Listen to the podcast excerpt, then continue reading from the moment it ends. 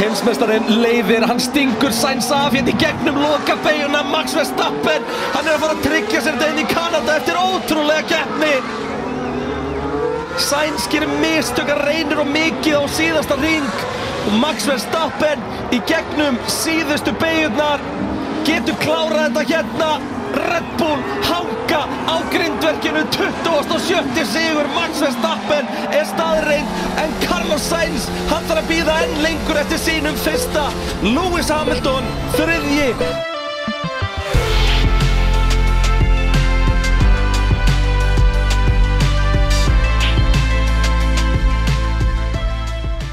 Jú, pitturinn hilsar hér eftir uh, æsi spennandi kanadískan kappastur Mikið, mikið, mikið, mikið gott að vera komin aftur Kanada í, í kappastur Já, ég sagði þetta bara strax í vor og segja það er mikið sem ég saknaði Kanada og það, hún stóð svo sannarlega fyrir sínu. Já. Oh Canada. Oh, Canada. Bara bing, bara bú. Kanada er svo land sem að ég fíla bara.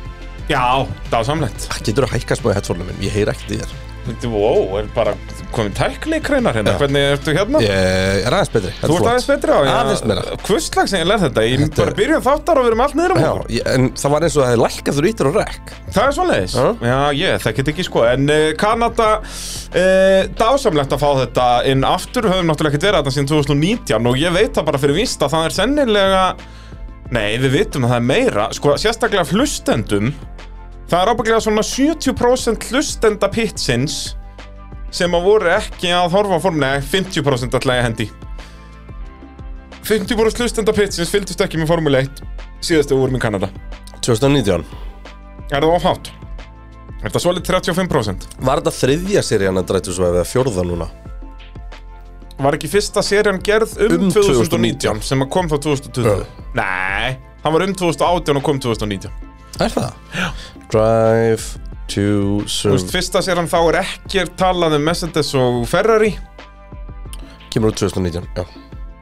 Manstu út af því að þá var vesinni að tvö stærstu liðin voru ekki með og þá var það Mercedes og Ferrari, skilur Þá, það er, ef það verið 2019 hafði verið Mercedes og Red Bull, skilur Þannig að- að hún kemur fyrir 2019 sísonið Þannig að þá byrjum við að sjá svona fyrsta spækið í þessu en þú veist, þá voru flestir þá að byrja að horfa í fyrsta lega svona mitt tímabil 2019 aðeins að dip the toe in Já, mest bara 2020 og 2021 sko. Pældu í hvað það er alveg núna smekk mikið af fólki sem að byrjaði að horfa að fara ólinn í Formule 1 fyrir 2021 tímabilið. Já. og þá fekk það bara besta tímabil á bara á 50 ára tímabili eiginlega sko.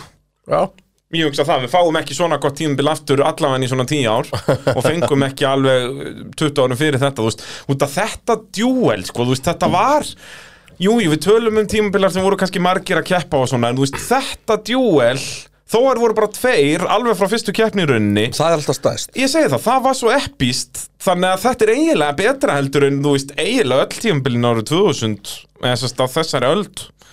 Já Og líka út af því að Þú veist The turns tide eh, eh, The tables turned, The tides turned, ekki Já, turns það, Momentumi var einhvern veginn stundum með Red Bull og Verstappen Já. og stundum með Hamilton og já, Já, fram og veist, þetta tilbaka leit sko. út fyrir að Red Bull og Vestapen voru alveg með þetta fyrir uh, Arabíu rundin þess að þegar fórum til Katar og Saudi og, og svo kemur þetta sturla Brasilíu dæmi Þú veist, þetta er bara ruggla dæmi sko. e, Við að sannsögðu Nóa Sirius stúdíu á podcastöðurinnar í bóði bóðileðar verkværasölunar Viaplay og Ólís og uh, svo að sannsögðu pitturum.is þar erum við með pitkrúð okkar og uh, erum að neglinn fullt af auka þáttum og ég veit ekki hvað og hvað Já, er alltaf að stækka og stækka Já, þetta er rosalegt að fylgjast með þessu alveg hreint sko. En uh, það er Kanada sem við ætlum að tala um í dag og Kreinar, ég verð að viðkjanna það að ég vaknaði snemma í morgun Já. eða eitthvað, ég vaknaði klukkan þrjú í nótt basically sem að, segast, þegar þú sendir á mig í gerkvöldi að bjóða mér frisbeegolf Já.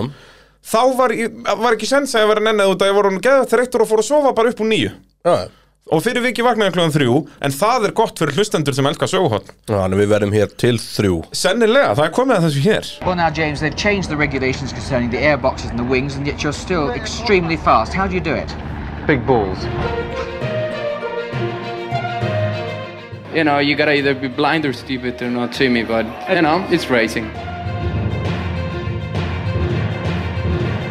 dauði Artons Senna á Ítalíu snemma í vor. And he's going through. Oh my goodness, this is fantastic. And if you no longer go for a gap that exists, you're no longer a racing driver. Max Verstappen er heimsmestari í Formule 1 Jú, það er Bragi Þórðarsson sögumadur sem að heilsar. Og með honum er Kristján Einar uh, hlustandi. Hlustandi. Uh, Þú komin í nammidolluna mm sjálfsögðu. Ég með eina írkalda hana og Já, nami það er, getur ekki klikka Ertu komin í rauða ópalið? Maður eitthvað klikku það, ég bara með þetta í bolla. Já, við skulum Ég halda er með hana okkar. besta nógakroppið hana Já, Salt, salt and butter.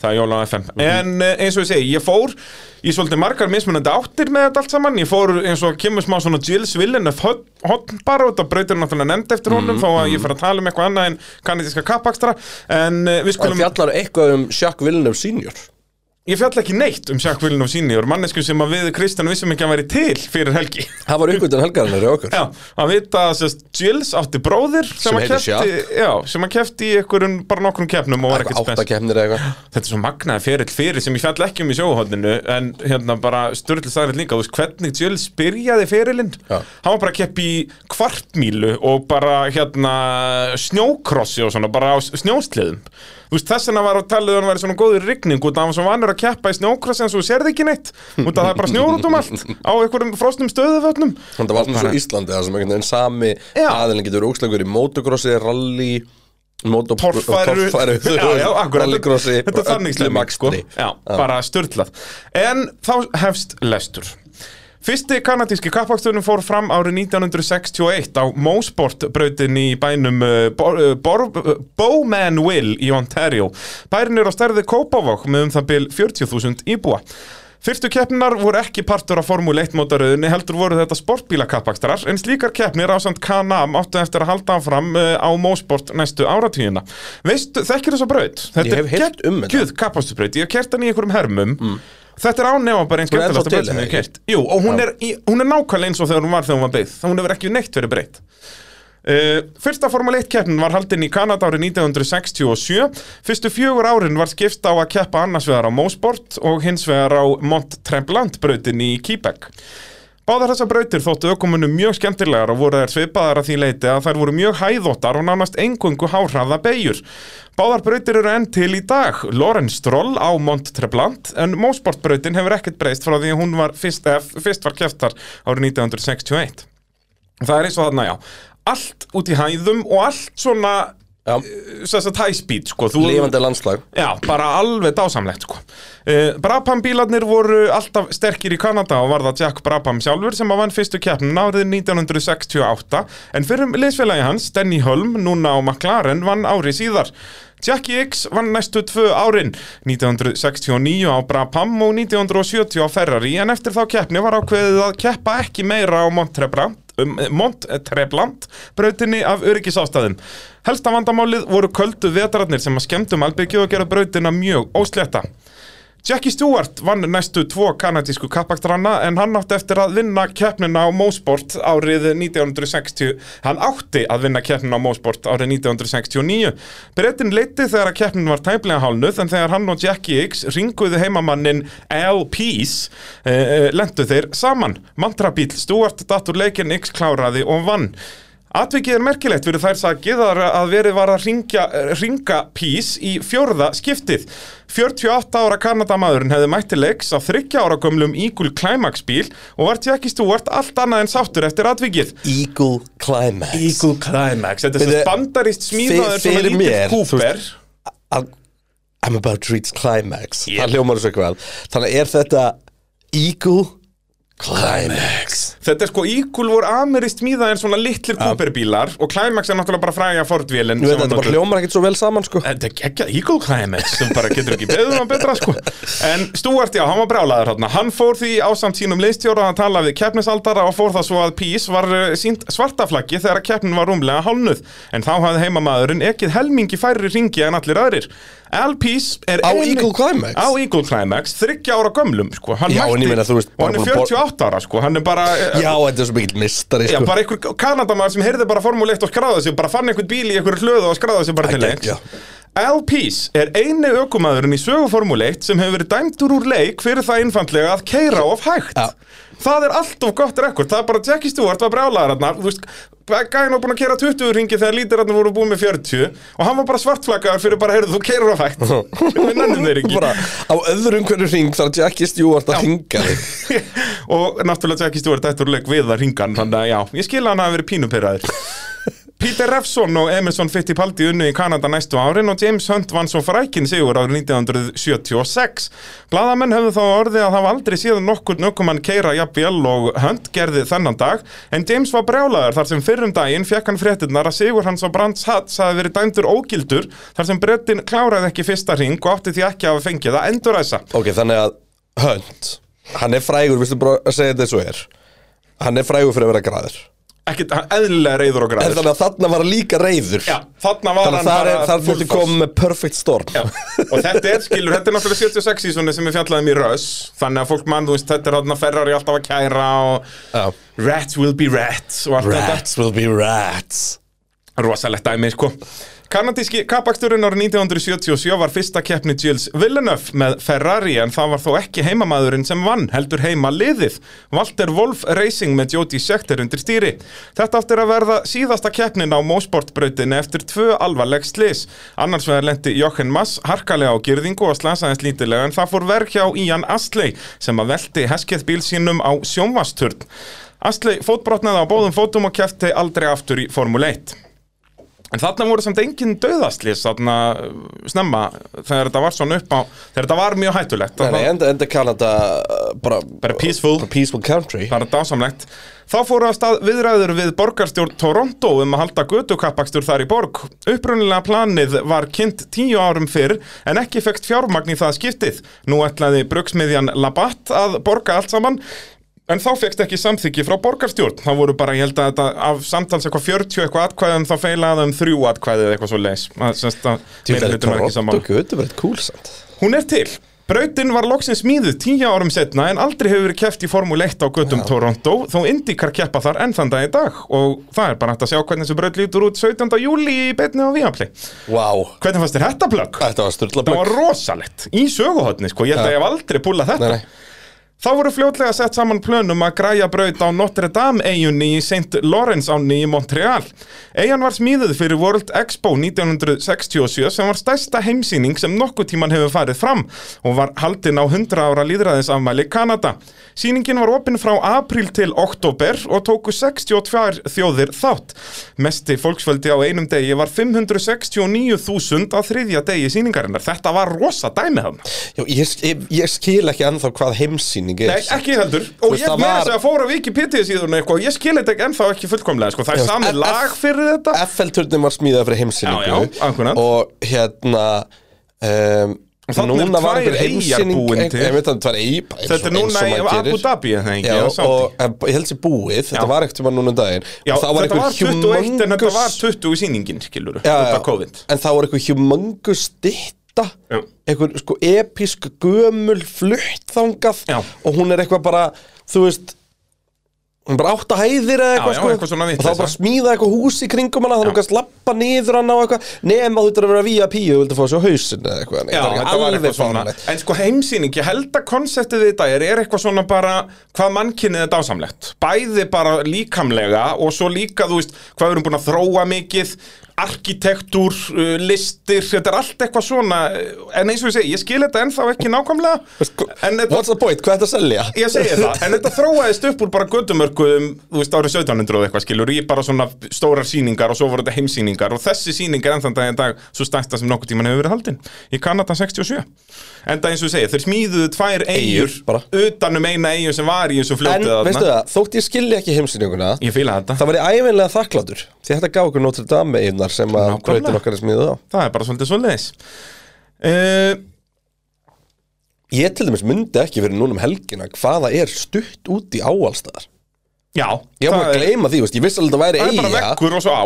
Það er bara, það er, við erum alltaf á mörkunum aðna Uh, planið að nota megnið af þeim uh, býtu nú við, hvert er komin? Jú, planið var að nota megnið af þeim vegum sem að nú þegar voru á eigunni fyrir Formule 1 brautina og fór fyrsta keppnin fram á Notre Dame brautinni uh, tæplega 12 mánuðum eftir að hugmyndin kom upp undir lok 1978 Jules Villeneuve hafði gengið illa á sínu fyrsta heila tímabili með Ferrari, bæði vegna bilana og mistaka. Jules hafði aldrei unnið keppni og ítalska pressan vildi Kanadamannin burt frá Maranello eftir 1978 tímabilið. En það breyttist eftir frábæra nakstur í kanadíska kappaktunum sem var loka keppnin það árið. Gilles Villeneuve sigraði öruglega og fekk fyrir vikið framlengingu á samning sínum hjá Ferrari. Engum kanadamanni hefur fyrr nýja síðar tekist að vinna á heimavelli. Og ekki erum við að sjá stefnaði það á næstunni Nei, það var bara kraftavekka strollarinn hafi verið þarna í stigasetti sko. En ég menna við erum alltaf að býða eftir að Aston Martin verði eitthvað lið og þá náttúrulega fættir er ekki að yngjast. Þannig að það er svo sem núna eru held ég mestu líkur á könnundiskum sigur Síðan sjekk vilnum bara Já, ég held það. Villeneuve sannaði aftur hvers megnuður hann er á heimavelli árið 1981. Í grenjandi rigningu í Montreal lendi Gilles í smá óhafi sem var til þess að framvængurinn losnaði. Eftir að þurfa að keira einn og hálfan ring nánast blind þar sem vængurinn var fyrir, e, sem sagt bara fyrir sjónlínu Villeneuve, hann sá ekki neitt, eh, fattaði Villeneuve að hossast vel yfir kantana til að brjóta vængin endanlega af. Þetta tókst og kom heimaðurinn í mark án framvængs í þriðja sæti. En Villeneuve átti aldrei eftir að keppa aftur, ég átti aldrei eftir að keppa aftur á Notre Dame brautinni. Gilles Villeneuve lést í tímatökum fyrir belgiska kappaksturinn á Solterbrautinni árið 1982. Þegar 8 mínútur voru eftir af tímatökunum var Gilles með sjötta besta tíman, 0,1 sekund á eftir liðsfélaga sínum Didier Pironi. En þeir töluðist ekki saman að þessum tíma eftir mikið drama í ítalska kappaksturinn tveimur vikum fyrr, þar sem Pironi vann með því að fara fram úr Villeneuve og hunsa því liðskipanir. Ekki er allir á sama málu um hvort Kanadamaðurinn hafi verið á hröðum hring þegar atviki gerðist eða ekki. En liðsmenn Ferrari segja að svo hafi ekki verið og var Gilles á leiðinni inn í pit. Þegar Villeneuve kemur yfir hæð í butte-beigjunni á Solderbrautinni á rúmlega 250 km hraða sér hann martsbíl Jochen Mass. Mass var á innring og kerði því mjög hægt. Næstu beigjur eru hraðarhægri beigjur, svo fyrri aðeins hraðari en setni. Mass kemur auga á Villeneuve í speklunum og beigir til hægri til að gefa Gilles kappakstuslínuna fyrir hægri beigjurnar. En Gilles fór einni til hægri til að klessa ekki aftan á Jochen. Harður árakstur verður uh, til þess að Ferrari bílinn skýst upp í loftið á rúmlega 200 km hraða og flýgur rúma 100 metra áður en hann lendir á nefinu. Þá taka við harkalegar veltur þar sem bílinn fer í frumyndir. Villeneuve, ennþá spenntur í beltin, flög 50 metra frá bílnum í sætinu og endar ofan á girðingu hjálmlaus. Ökuminnindir John Watson og Derek Warwick eh, komu fyrstir á slistað og komu Villeneuve niður úr girðingunni. Andlit hans var blátt og hann andaði ekki en var þó með púls. Þegar hann á spítalinn var komið var ljóst að Gilles var hálsbrotin og myndi ekki lifa slesið af. Hún var þó haldið lifandi í nokkra tíma svo að eiginkona hans geti kvart mannin sinn. Og þetta er til, þetta er bara, ef maður fer bara á YouTube, bara Solder 1982 þá er bara BBC þáttur um þetta bara 20 mínúna þáttur um kefnina og þar sína er þetta bara og þetta er eitthvað ógeðslasta sem ég hef séð út af því að kamerumæður næri ekki alveg krassinu og svo sjáum við áður en að bílinn kemur veltandinn í mynd sjáum við bara Gilles í loftinu fljúandi yfir brautina og lendir í girðingu með bara svona smá carbon fiber á bakinu og ennþá spenntur í beltinn sko. Já Þetta er ógeðslegt Hægri beigjan á Solderbrautinni þar sem slísið átti sér stað var breytt og þar er nú hlikkur, Gilles Villeneuve chicane. Þrátt fyrir að hafa einungis unnið sex keppnir á sínum stuttaferli er Gilles Villeneuve að mörgum talin vera eitt besti kappatusökumæður allra tíma. Og ef maður horfir á 1982 tímabilið, hann deyr þarna mjög snemma, það er bara í fymtu keppni, búin að dett út úr fyrstu tveimur en síðan átti náttúrulega að vinna þarna á Ímóla en uh, hann Pironi röglar því upp, upp en þetta tímabilið sem Kekki Rosberg vinnur og hann vinnur bara eina keppni á tímabilinu Já. Og, og Didier Pironi er í öðru seti bara fimm stigum á eftir. Og samt sko stórslasast Pironi fyrir þýskakapakstunum þetta ár. Þannig að hann missir af síðustu fimm keppnunum. Og er samt í öðru sæti bara fimm stigum eftir Kekki Rosberg eftirmótið og Villeneuve far betri aukumæður en Pironi þannig að já, ef og hefði en þarna hefði Gilles átt að vinna. Og hann náttúrulega deyr bara 32 ára held ég sem á þessum tíma var eins og að vera, fjör, eða eins og að vera 24 ára í dag sko. Einmitt. Við sjáum sönnum þess hver miklar mætur liðstjórar, blaðamenn, áhorfendur og aðrir keppendur höfðu á Gilles enn þann dag í dag. Stór bronnstitta er á honum við ingang Fiorino brautarinnar á Ítalíu og sjötta beigjan á Ímola var nefnd eftir honum. Einni er kanadíski fánin á þriðja rástað á Ímola en þar ræsti Gilles í sínum síðasta kapakstri. Notre Dame brautin í Kanada var einnig nefnd eftir heimahetjunni þegar kjaft var þar rétt rúmum mánuði eftir andlát hans og heitir brautin en Circuit de Gilles Villeneuve. Á ráslínunni stendur Salute Gilles. Kanadíski kappaksturinn árið 1982 fór þó í sögubækurnar af röngum ástæðum þar sem hræðilegt slis var á ráslínunni. Didier Pironi náði rásból eh, sem hann tilengaði fyrrum erkifjanda sínum en Turbo Ferrari mótorinn stollaði á ráslínu akkurat þegar ljósið varð grænt þannig ekki náðist að stöðva ræsinguna. Það var náttúrulega mjög oft á þessum tíma ef ykkur stollaði þá bara veifa hann höndum og það var allt stopp Right. og við sjáum Pironi veifa höndunum en það er bara komið grænt þannig að það var ekkert hægt að gera. Allir bílarnir komist fram hjá Ferrariunum nema tveir. Uh, Raúl Boisel rétt snerti afturdekk Pironi, snýrist yfir brautina og tók út bæði Elisio Salazar og Jochen Mass. En fyrir aftan Boisen kom Ricardo Paletti á Osella bíl sínum. Hinn 24 ára gamli Paletti var aðeins að byrja sína aðra Formule 1 keppni. Hann sá Ferrari-bílinn seint og klesti beint aftan á hann á 180 km hraða. Þannig er náttúrulega nær hann að byggja upp svo mikið hraða út að hann er að ræsa aftastur, basically. Hann er að koma á hörku ferðarna. Í högginu krumpaðist framendin á að selja bílnum saman með þeim afleiðingum að Paletti fótbrotnaði á báðum fótum og hlaut alvarlega áverka þar sem stýrið þrýsti á bringuna er ítalinn satt fastur í bílnum. Sid Watkins, aðalæknir formúlunar var komin á slísað eftir nokkrar sekundur þar sem svo regla var komin að læknabíl fylgdu ökumennum í gegnum fyrstu beigju. Pironi var einnig búinn að hoppa ómeittur út úr sínum Ferrari og var mættur að reyna að ná Ricardo úr bílnum. Þegar Sid Watkins sest yfir bílinn kviknar el í eldsneiti sem lekið hafði úr tanknum og að sellabílinn verður alelda á nokkrum sekundubrótum. Starfsfólk keppnunar mæta með slökkvitæki örfáum sekundum síðar og meira segja Didier Pironi grípur eitt tæki og byrjar að reyna slökkva bálið. Á meðan fylgist móðir Paletti með þessu öllu saman úr stúkunni en hún var mætt til Kanada aðalega til að fagna 25 ára afmæli sonarsins daginn eftir. Ricardo Paletti lést 24 ára af sárum sínum. Eina hugunin er svo að ungi Ítalinn var að öllum líkindum látin fyrir eldin, eða allavega meðvindundarlega þegar eldurinn kom upp. Alls tók 10 mínútur að slakka bálið og aðrar 8-10 að skera Paletti úr bílnum, þar sem ótti var um að neistarnir úr slíparokkonum myndu kveikja annan eld.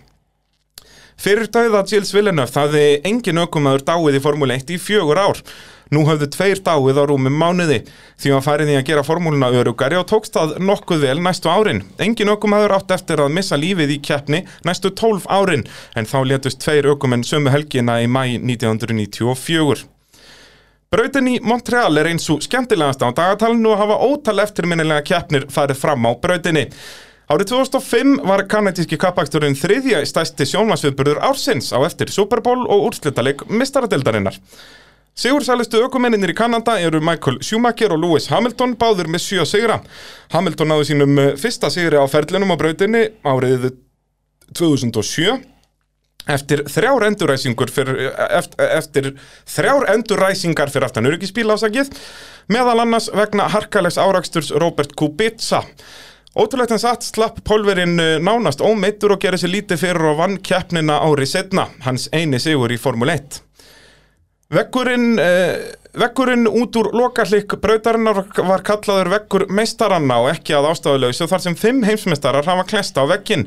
Það eru þeir Damon Hill, Michael Schumacher, Jenson Button, Sebastian Vettel og Jacques Villeneuve. Sonur Gilles, sem að náði því sem pappi sinn náði ekki, að verða heimsmeistari í Formule 1. Fyrir hverja keppni eigða borgar starfsfólk Montreal vikum í að eh, veiða múrmeldýr í Notre Dame eigunni og flytja þau til St. Helens eigunar sem er hliðin á Notre Dame eigunni.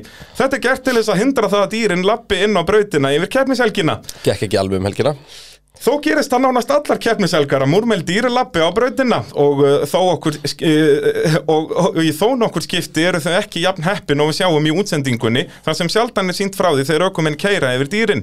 Til dæmis gerist það núna í þriðju æfingum helgarinnar að heimamaðurinn Nikolas Latifi drap eitt múrmeldýr sem að lappað hafði á brautina. Sa, Ertu búin að sjá ombordið það? Já. Heyrður radioið? Já. Hann er svo leiður Já, það, þetta er náttúrulega bara citizen, þú veist, hann er bara að drepa heimamann. sko. Ég veit það, ég væri alltaf leiður sko. Já, ég, er þetta er svo krúttleg dýr. ég er einn af þessum sem er sko líklega til að beigja út af til að bjarga fugli Já. heldur en að keri yfir hann sko. Já, þarna, þú veist, mér finnst múrmeldýr eitthvað meira sætt heldur en, þú veist, mér myndi líða ekki jafn ítla að bomba á fugli eða eitthvað. Múrmeldýr er svo krútlegt. Ég veit það, við viljum fá múrmeldi til Íslands Ég veit það, Við, og vorum að tala um þetta um helgina og þau Já, hljóta að fíla Ísland. Nákvæmlega Ég skil þetta ekki, sko, en við erum kannski vantar meira í skóa, er þetta ekki þau geta bara við og eitthvað er Nei, þetta ekki svona eins og beavers? Já, er þetta ekki eins og beavers? Ég ekki Hafið þetta anskotan ekkert um.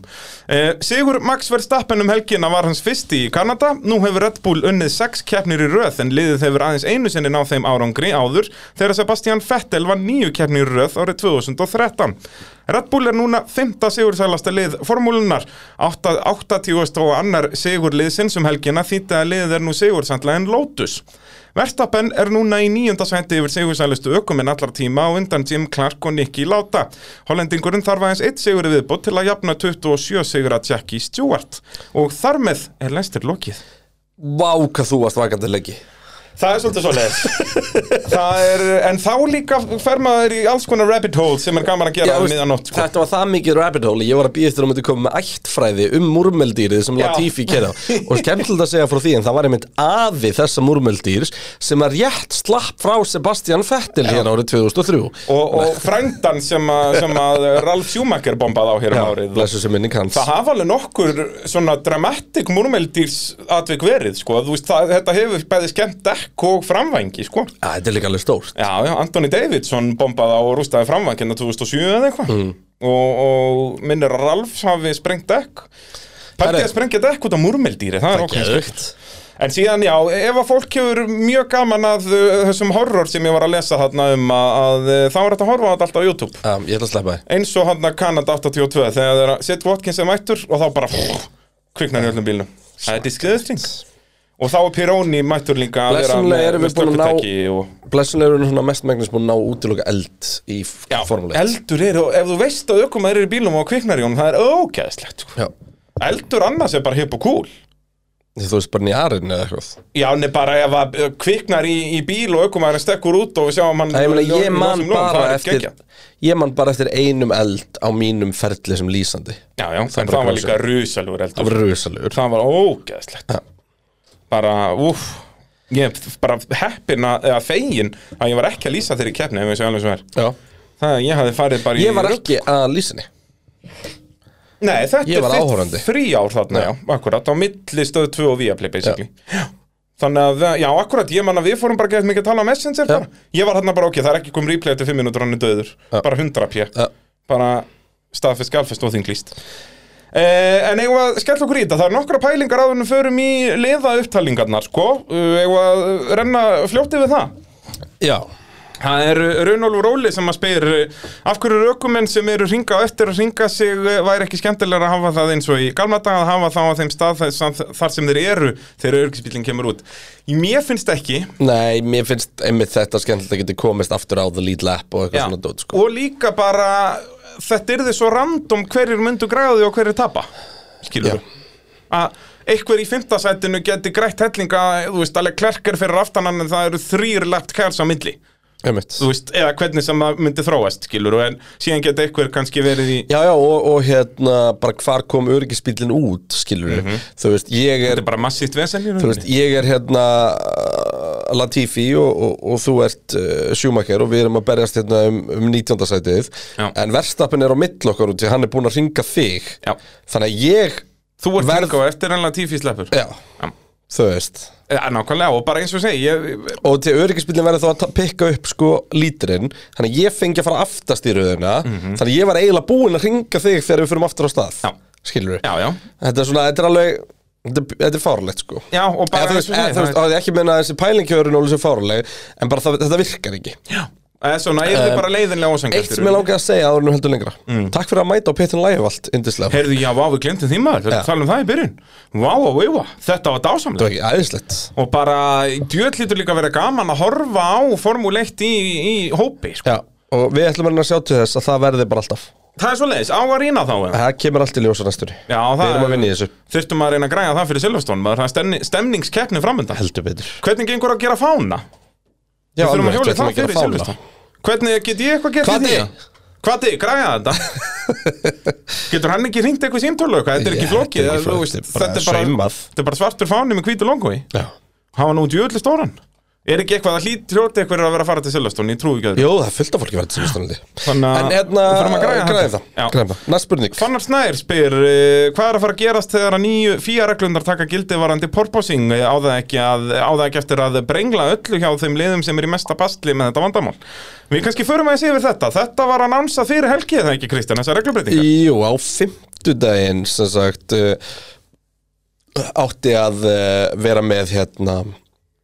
átti að á fimmtudaginn kemur út bara tilkynning frá FIA um að uh, þau ætli sér að, að uh, setja hámark á það hversu mikil hreyfing má vera í bílum upp á niður. Auðvitað eru liðin sem er í vandræði og Mercedes þar fremst í- fremst í flokki búin að lobbya fyrir einhverjum breytingum í tengslu við þetta. Og ég held að þetta snúist ekki bara um sko, Mercedes er að gera þetta út af performance það er engin spurning. En ég held að eiginlega við öll sem horfum á þetta okkur finnst þetta bjánulegt Já, og þetta er, þetta er bjánalegt. Já, þetta er bjánulegt, þannig ég held að fíja viljis og sannlega losna við þetta. Og svo um leið og við fáum núna einhverja fréttir af því að aukumenn séu jafnvel að bara ná sér einhvern langtíma skaða og jafnvel heilaska það er mjög óljóst. Því að ég heyri flest að tala um þú veist, allt upp undir 7G í höggum en svo sá ég einhverja töflu sem var 0, eitthvað en miðað við hvað flestir segja 7G þá er verið að tala um 7G, ekki 0,7G Það er líka alveg smá munur á þessum tölum Já, og ég fór líka pæli, því, þú veist, þú ert að lemjast hún í jörðina, þú ert heldur fljótur að búa til 7G, sko. Ég samt ekki, þetta er svo lítil fjöðurinn Þú veist, ég skil ekki hvernig hann á að búa til svona mikið En það er akkur point, pointið, þú bara bombast alltaf í jörðina. Já, en þú veist, hreyfingin er svo Já, en lítil bílinn, skilurðu. náttúrulega ekki, þetta er ekki bara að þú stoppir, þú liftist aftur upp, Já, já. sko. Þannig að þú Og veist, svo- Já, ég menn eins og ég segi, Það er heilaskaði ógeðslegt. bara Já. Þú veist, þeir hljóta að vera hvernig bara það er. við heilarhristing alltaf já, þetta er bara svo að láta berja sig í boxi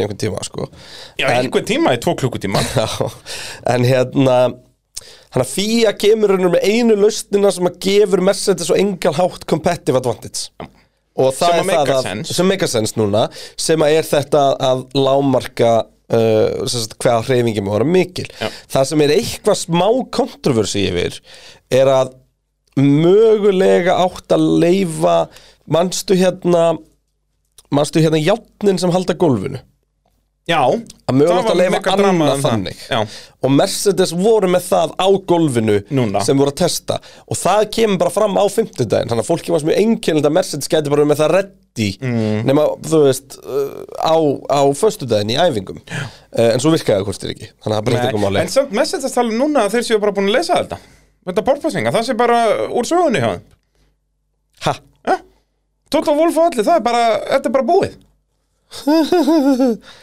einmitt. Já, ég, bara, ég skal trúa þér á, á föstudaginn eftir viku. ég segja það sko, að bara, ég- þú veist, jú, hann verður ábygglega ennþá hossandi en það sem þeir eru kannski að tala um að þetta sé ekki að hægja á þeim lengur. Já, já, en þá er spurning hvaða reglu fíja endar á að setja því að svo náttúrulega að í enda dagsins átt að fíja sér alltaf því bara, ó já, þetta er á flóki vandamál til að setja reglu úr data úr einu Já, þess vegna var þetta ekki, þetta þarna. að vera komið á laugadaginn og það var ekki úr því út að þeir áttu að sagði, heyrðu, já, það er pínu vesen að að Framfylgja þetta, þú veist að framfylgja þetta og segja bara, heyrðu, nei, við sjáum það augljóslega á þessum gögnum að bíllið þinn hossast svo mikið að hann gæti hugsanlega verið að skada aukumanni þú veist, að búa til þetta hvernig svona sem þeir mót Þetta er mjög loðið, þetta. er mjög loðið. þetta er mjög einkennilegt, þú veist, notaðir bara myndir notaðir bara punta á bílnum Nei, og- þú veist, er þetta G-mælar, er þetta reyfing á Já, höfðu og er hvað er limitið, og, er er limitið er limitið í magni eða limitið í tíma Já, veist, eða bara í force, eins og þetta er, það er alveg ástæða fyrir því að náðu ekki að græja þetta á tveimur æfingum, Já. sko.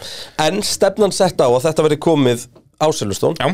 og uh, við bara munum færa ykkur fréttar af því þegar það er berast Og þetta er líka, þú veist, ég held að við talað um það nú í einhverjum þætti núna nýverið að þetta er svo bjánalegt Þú veist, fólk sem horfir ekki á Formule 1 en svona veit hvað Formule 1 er er 100% að gera grína formúlinu fyrir þetta. Akkurat. Þú veist, eins og við varum að gera ef að NASCAR eða IndyCar væri ef þeir væri hossandi á öllum beinumköflum við myndum varum að deyja hlátri hvað þessi kannar eru miklu fáiðar sko.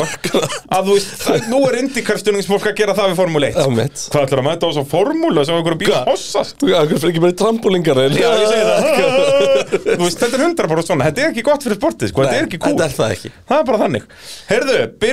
100% svona Þetta er ekki gott fyrir sportið, þetta er ekki cool Þetta er það ekki Það er bara þannig Herðu, byrjum þá að tala um Red Bull Racing RBPT Því að uh, þeir eru í lang fyrsta seti Djöfull var Max Verstappen góður um helgina maður, oh my god. Bara rock solid. Í rauninni samt, sko, er eina sem ég get sagt um að hann var verri en ég bjóst við. Ég held að hann var aldrei að bera sig nokkurn mann. Já, fyrst alveg klærk var ekki með. Já, Já. Það er svona eina, þú veist Og það er, við erum með áhugaverða pælingar hérna sem að uh, En sko það, það sem að áður- áðurinn fyrir um pælingarnar. Mhm. ég bara nefna hérna með tímatökuna þegar að verstappen gæti alltaf fundið sekundu Oh í viðbútt þú veist breytilega aðstæður allir fundu sekundu, jöfnuðu verstappen þá fann hann aðra sekundu í leðinni þetta var galið sko. Bara vittleisa sko. Uh, og náttúrulega bara, já, stíin uh, tala sínu máli, uh, Max Verstappen nú ræsir fyrstur og endar fyrstur, Sergio Pérez tölum betur um hann á eftir uh, ríkali helgi fyrir Mexikóan, en Verstappen hann er núna búin að græða 95 stig á Leclerc í síðustu 6 keppnum. Shit og þú veist, við sögðum þetta hérna, eh, ég kom inn á það eftir Ástralíu Bíddu, kappastunum hérna í pitnum. 95 stig úr síðustu 6 keppnum. Ertu þá, er immálegin í því og sprett keppnin? Þetta er bara eftir Ástralíu. Ég kom inn á þetta eftir Ástralíu hérna í bara nú pitnum. setjum við í samingi það eru 150 stíð í pottinum pluss, eða sérst án hröðustu ringja pluss hvað áttaði það ekki fyrir sigur í sprettinum? Jú. Já, það eru 158 stíð í pottinum og þú far átjónstíð fyrir annarsætið sko. Og hann er búin að græða 9, 10 og 5 Jep. Eftir Ástralíu kappakstunum talaði ég um þetta að uh, Leclerc væri komið það mikið fórskot á Verstappen að ef að Verstappen verið heimsmeistari að þá verið það met yfir comeback. Spáðu því. Þú veist, mannst eftir því, ég Já. talaði um þetta að, að, þú veist að þá var hann uh, 46 stigum á eftir uh, og núna er Verstappen 49 stigum á undan Verstappen verið sjötta sendi heimsmeistari Þannig ef að Leclerc verður heimsmeistur úr þessu þá er hann líka að fara að setja með Já, þá er hann verður að með í ár. Já, það er staðfest að verður með í ár nema bara að George Russell verður meistari. Þá verður það líka með Já, auðvitað. Já, Já, og þó, ætli Russell hafi eitthvað tíma verið svona landa á eftir? Jú, vissulega núna En hann er núna, búin að vera svo goddamn consistent. Goddamn consistent. Það er, það er svolítið svona consistent. Já, uh, Ingvar Steinn spyr Hvað þarf að gerast þannig að Max verði ekki heimsmeistari? Veist, þetta er langt frá að vera búið Sko, hvað eru nýju keppnir af 22 búnar? mm, Já. Og við erum að sjá þess að nýju bíla alveg bíla sprettkeppnir svolítið. Tvær sprettkeppnir eftir. er sprettkeppn á Silveston? Nei, er Östuríki Ég missa að finna það, skellur. En ég verð með þér á sunnudeginu Það er rallycross. Þú hefur aldrei verið með mér í sprettkeppni eða nokkuð? Ég náði í Brasilíu fyrra. Já, En mista af hinnum tveim.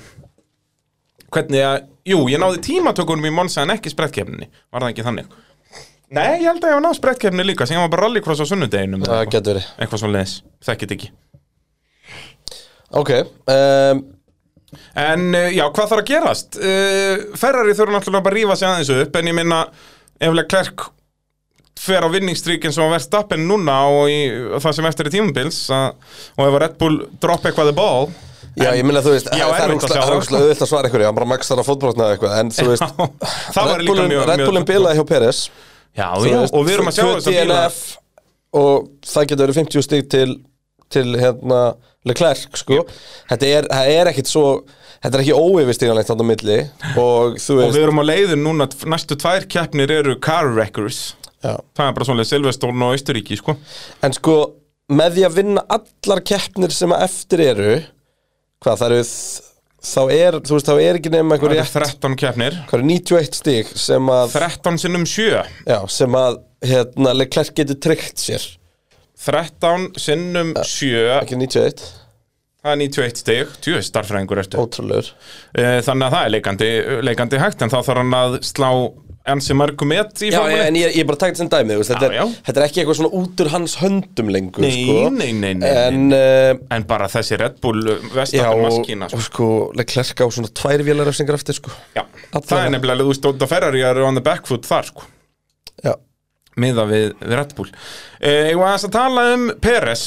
Eh, Ríkalega helgi hann, bara, hann hefur alltaf ógstlega lélur rigningu Það er, í alvegni, það er ein rigningakefn á ferðlum hans sem var góð, sko Það var Malasíu Sáperkeppnin fræga. Já, samt ekki, og þá gerir hann mistök þegar hann átt að vinna. Rétt. Þannig að, þú veist, eina sem ég mann í, eftir, úr þeirri keppni eru þessi mistök sem hann gerir. En hitt var meira bara svona hefnum með strategíu. Hvernig gengur að drekka? Ég hló upp í nefið á mér smá uh, Pepsi hérna þegar þú sagðir þetta. Bara bing bara búm Ói bara. Nei, hvað, það hafa smá maxi í nebbakút Það er krúllett En Er það ekki gott fyrir ennisólubólgur og eitthvað svona? Jú, það ekki, að fá, þetta er eins og með Smá og svona. sýru svona. Já, mm.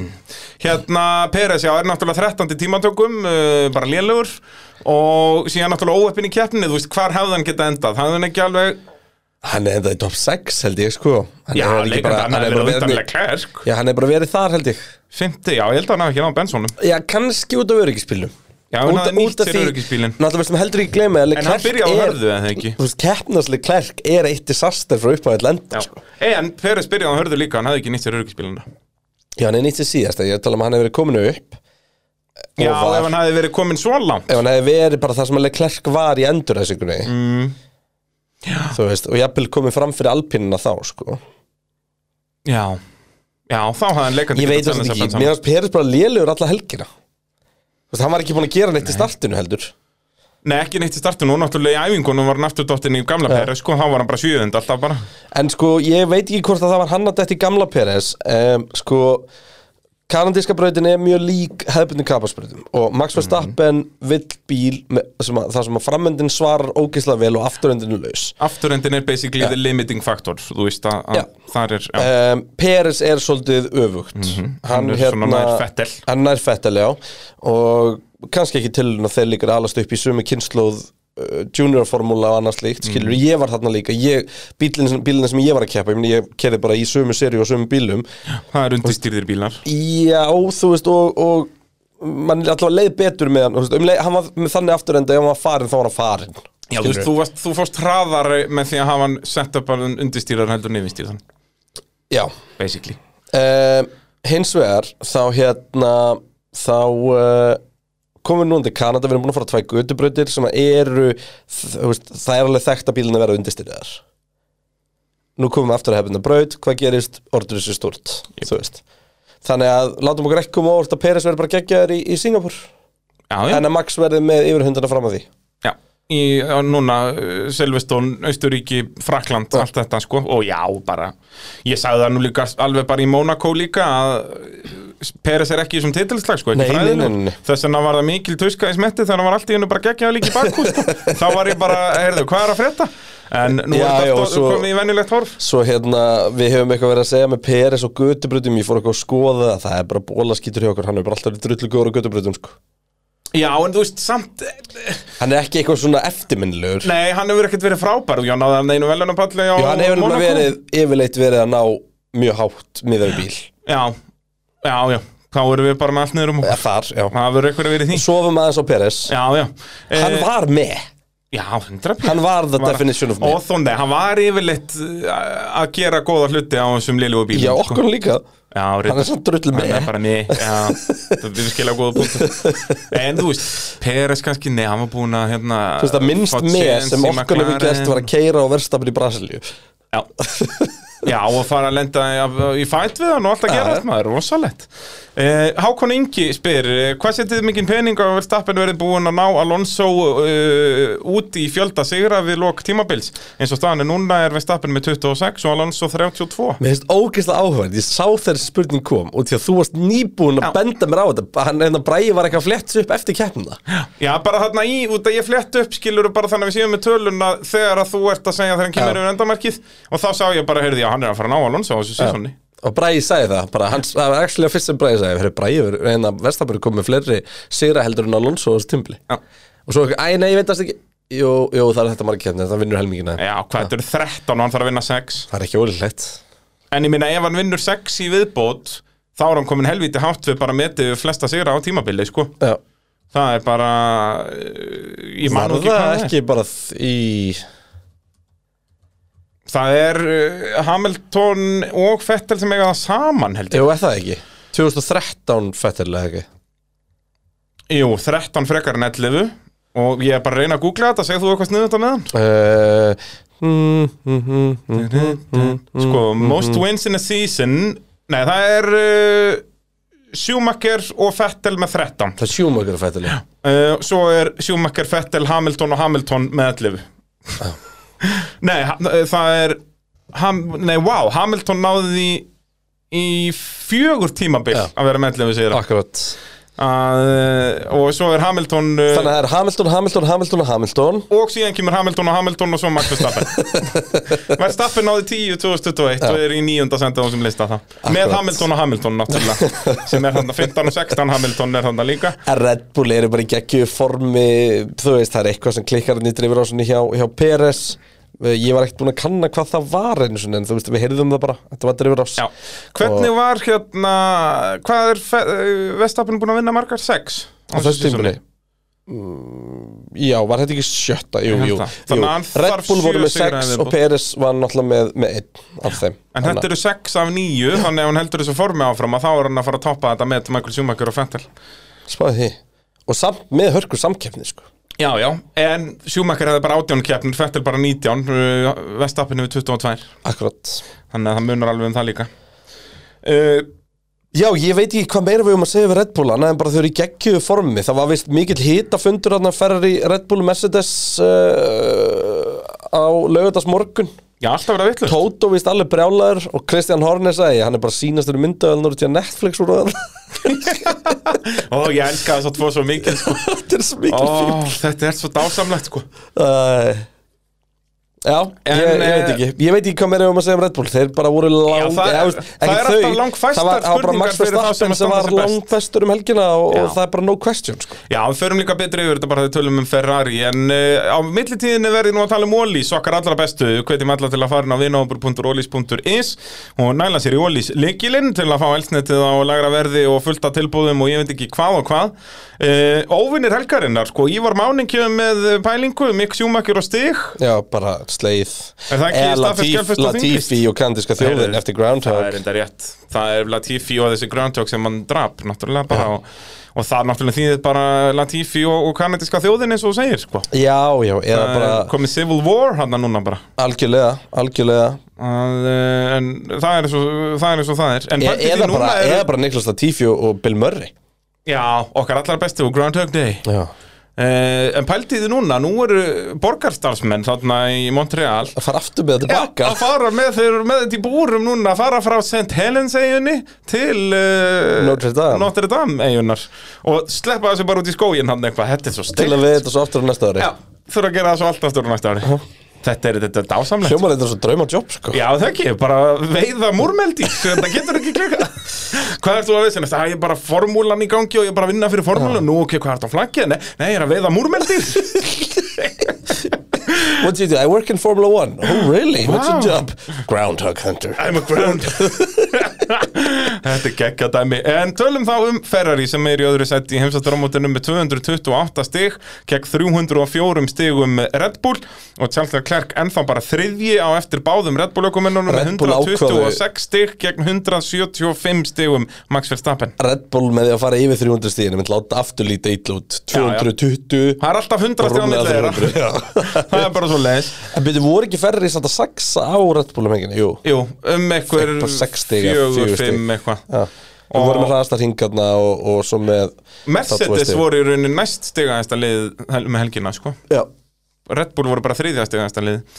Uh, Já, og uh, Leclerc ræsir hérna 19. endar 50 Carlos Sainz uh, ræsir þriðji endar annar. Kemst yfir 100 stíðin Já, en ennþá bara 50 á eftir Russell. Spáði Það er uh, helviti magnað En uh, Já, Móna Sainz náttúrulega búin að detta þriðsvarsinum úr leik En uh, í öllum hinum kefna Það var bara spátt sem hann var í fjórðasæti Annars Ég hefur hann alltaf hélt- verið í öðru eða þriðja.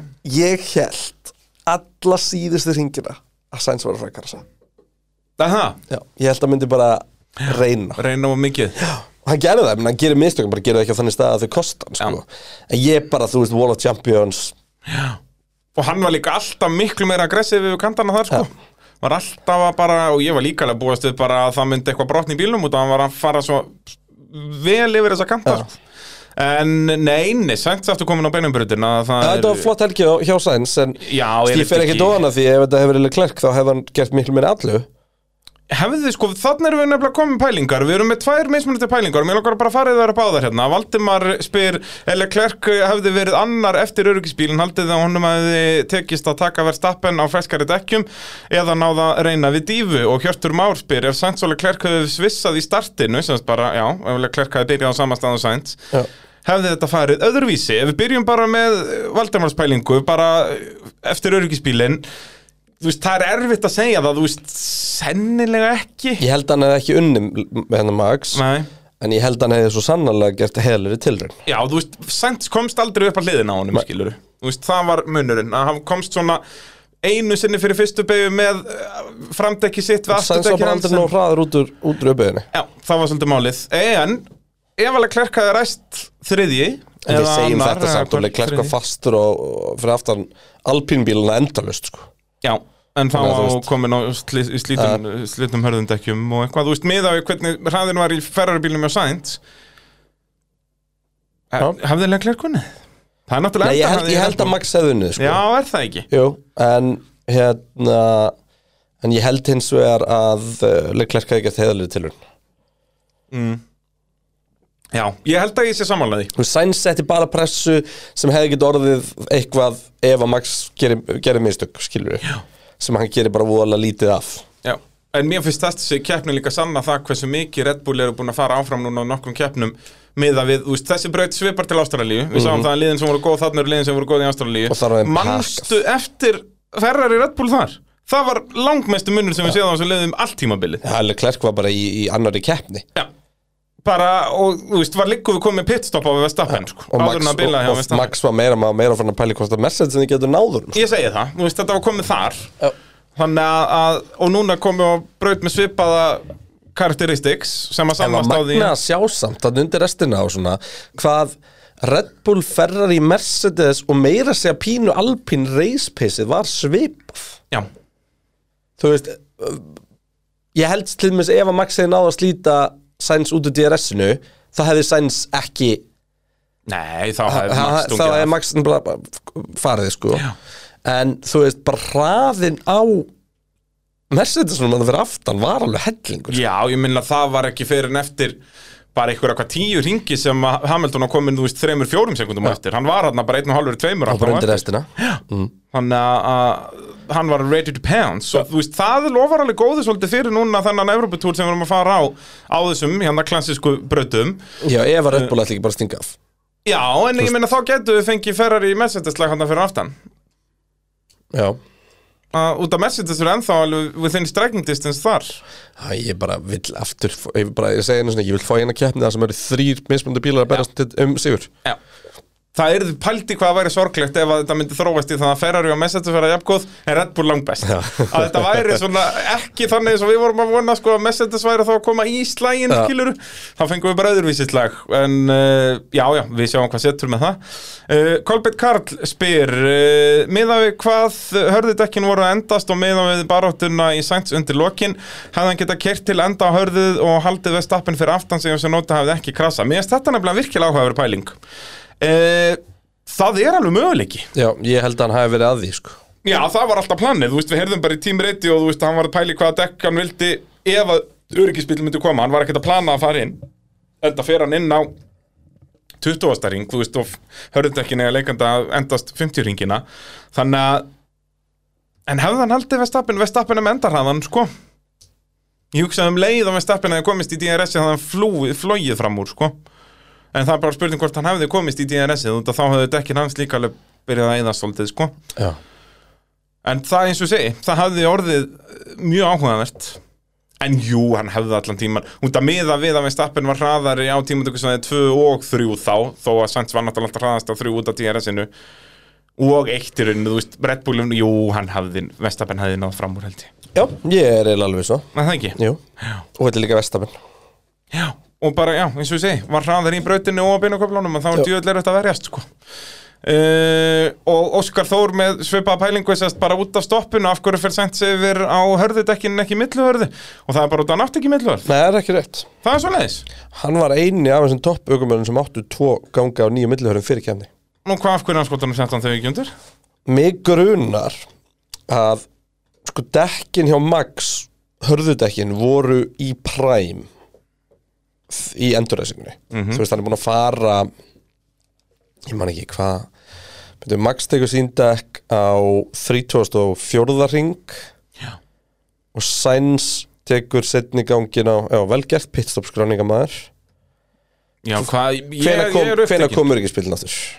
Það var, það voru Það var hann á 40 ásta 15 eitthvað Það var búin að fara svona 5-6 ringi á dekkjunum áður en öryggisbílinn kemur út Kringum, uh, kringum 50 ásta bara Nei. Hann var útaleg, já, já, 40 ásta og eitthvað. Voru þetta ekki bara, þetta voru tæplega 20 ringir Já, eftir þetta var 70 ringa keppni maður. Það voru tæplega Já. 20, þú veist þetta, Ég held að ég kom allir inn á 50 ásta Stendur það ekki skjálna? Það verður fullt að stoppa á 50 ásta ring Nei, ég held sér ekkert stoppskráð. Það er svoleiðis, ég var þá eftir ekki niður En það var þá, uh, þurftum við ekkert að vita þetta þá Þú veist að við vissum þetta Segir það núna.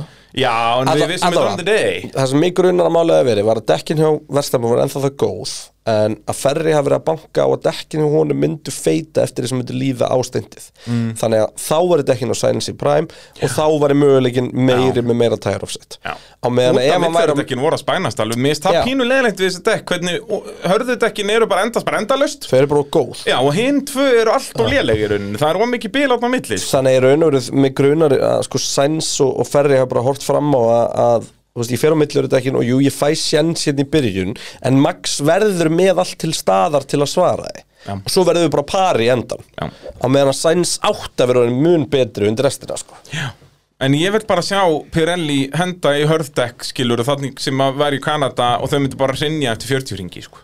Ég vil fá tveggja eða þryggjastoppa keppni samanlá Það er bara hvaða keppni var það aftur sem var þryggja, legit þryggjastoppa keppni það var Það var einhver hérna um daginn og djöðl var hann skemmtilega maður Ég er búin að glema hvað keppna það var ekki Miami Jú, var það ekki? Það er eina sem gerir þá keppni áhugaverða Það ekki? bjargaði henni Jú, gott ef ekki uh, Er ekki orðið tímabart að hengja pittsmenn Ferrari?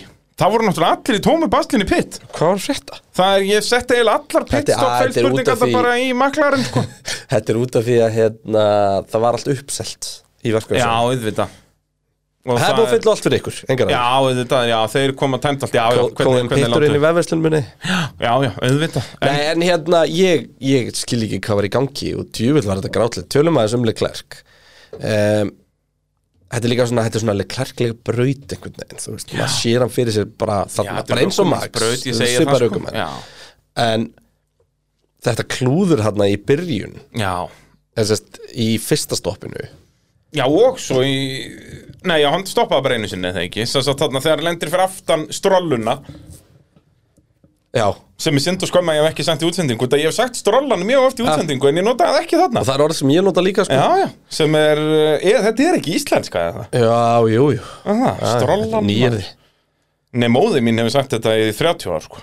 Strölan Já, ég held að það sé eitthvað danskur djöfull sko. Það er Hann móð... hefði passað fullkomlega þetta Og Já. við munum, við munum bæta okkur. Já, bara En, mun þetta tækifæri koma aftur spyrir Mun stroll eitthvað tíman vera lestastjóri Já, ég held það Já, Hann er reyndar. það mjög reglulega Já, sko. hann er það. Hann er oft En hérna- komin á bjónalega staði og þarf að halda sér þar. En sko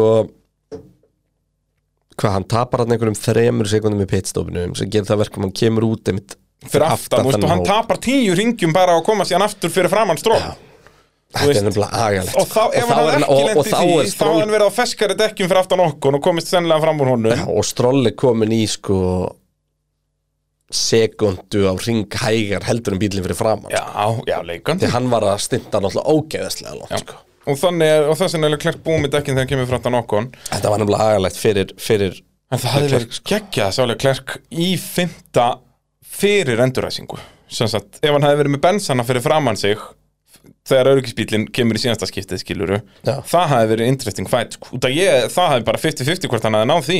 Af- Já, út af Russell hefði verið með DRS fyrir út af Hamilton. Já, það getur unnið saman. Já, veist, það hefði alveg verið me- vesen, sko. Já, ég held samt að það er haft það. Já, er það ekki? Ég að var líka, út í að hann var náttúrulega með minna downforce heldur en, heldur en sænskup til þess að fara fram úr. En þá er líka spurning, ef hann hefði náð því á fimm ringjum þá hefði Ferrari jafnvel út af náttúrulega bensandur voru þarna bara þá hefði jafnvel getað svoppað og Leclerc og leift Leclerc að reyna við Vestapen Þú veist, þetta opnar alla þessa möguleik og þetta er allt bara sem tapast í pitstopinu. Basically, út af eins og ég segi það er erfitt að segja hvort hann hefði flogið fram úr okkon á, á tíu ringja feskari dekkjum en maður myndi halda það. Ferrari byrjuði þetta tímambil að það vera ekki Ferrari en núna voru við farin að heyra plan D. Já, en það er samt bara allt út af lélega pitstopinu skilur sem Já. að skýtunum fyrir Nei, plan D var hjá Sainz, var það ekki? Já. Nei Var það hjá Nei, það var hjá Leclerc, það var ekki hjá Sainz. Landi Þá veit maður að í lyftuna. Confirm you know the alphabet. Já. Plan D Bara, ég man einhvern tímann á fettelárunum var rækunin komin bara í plan F. Já.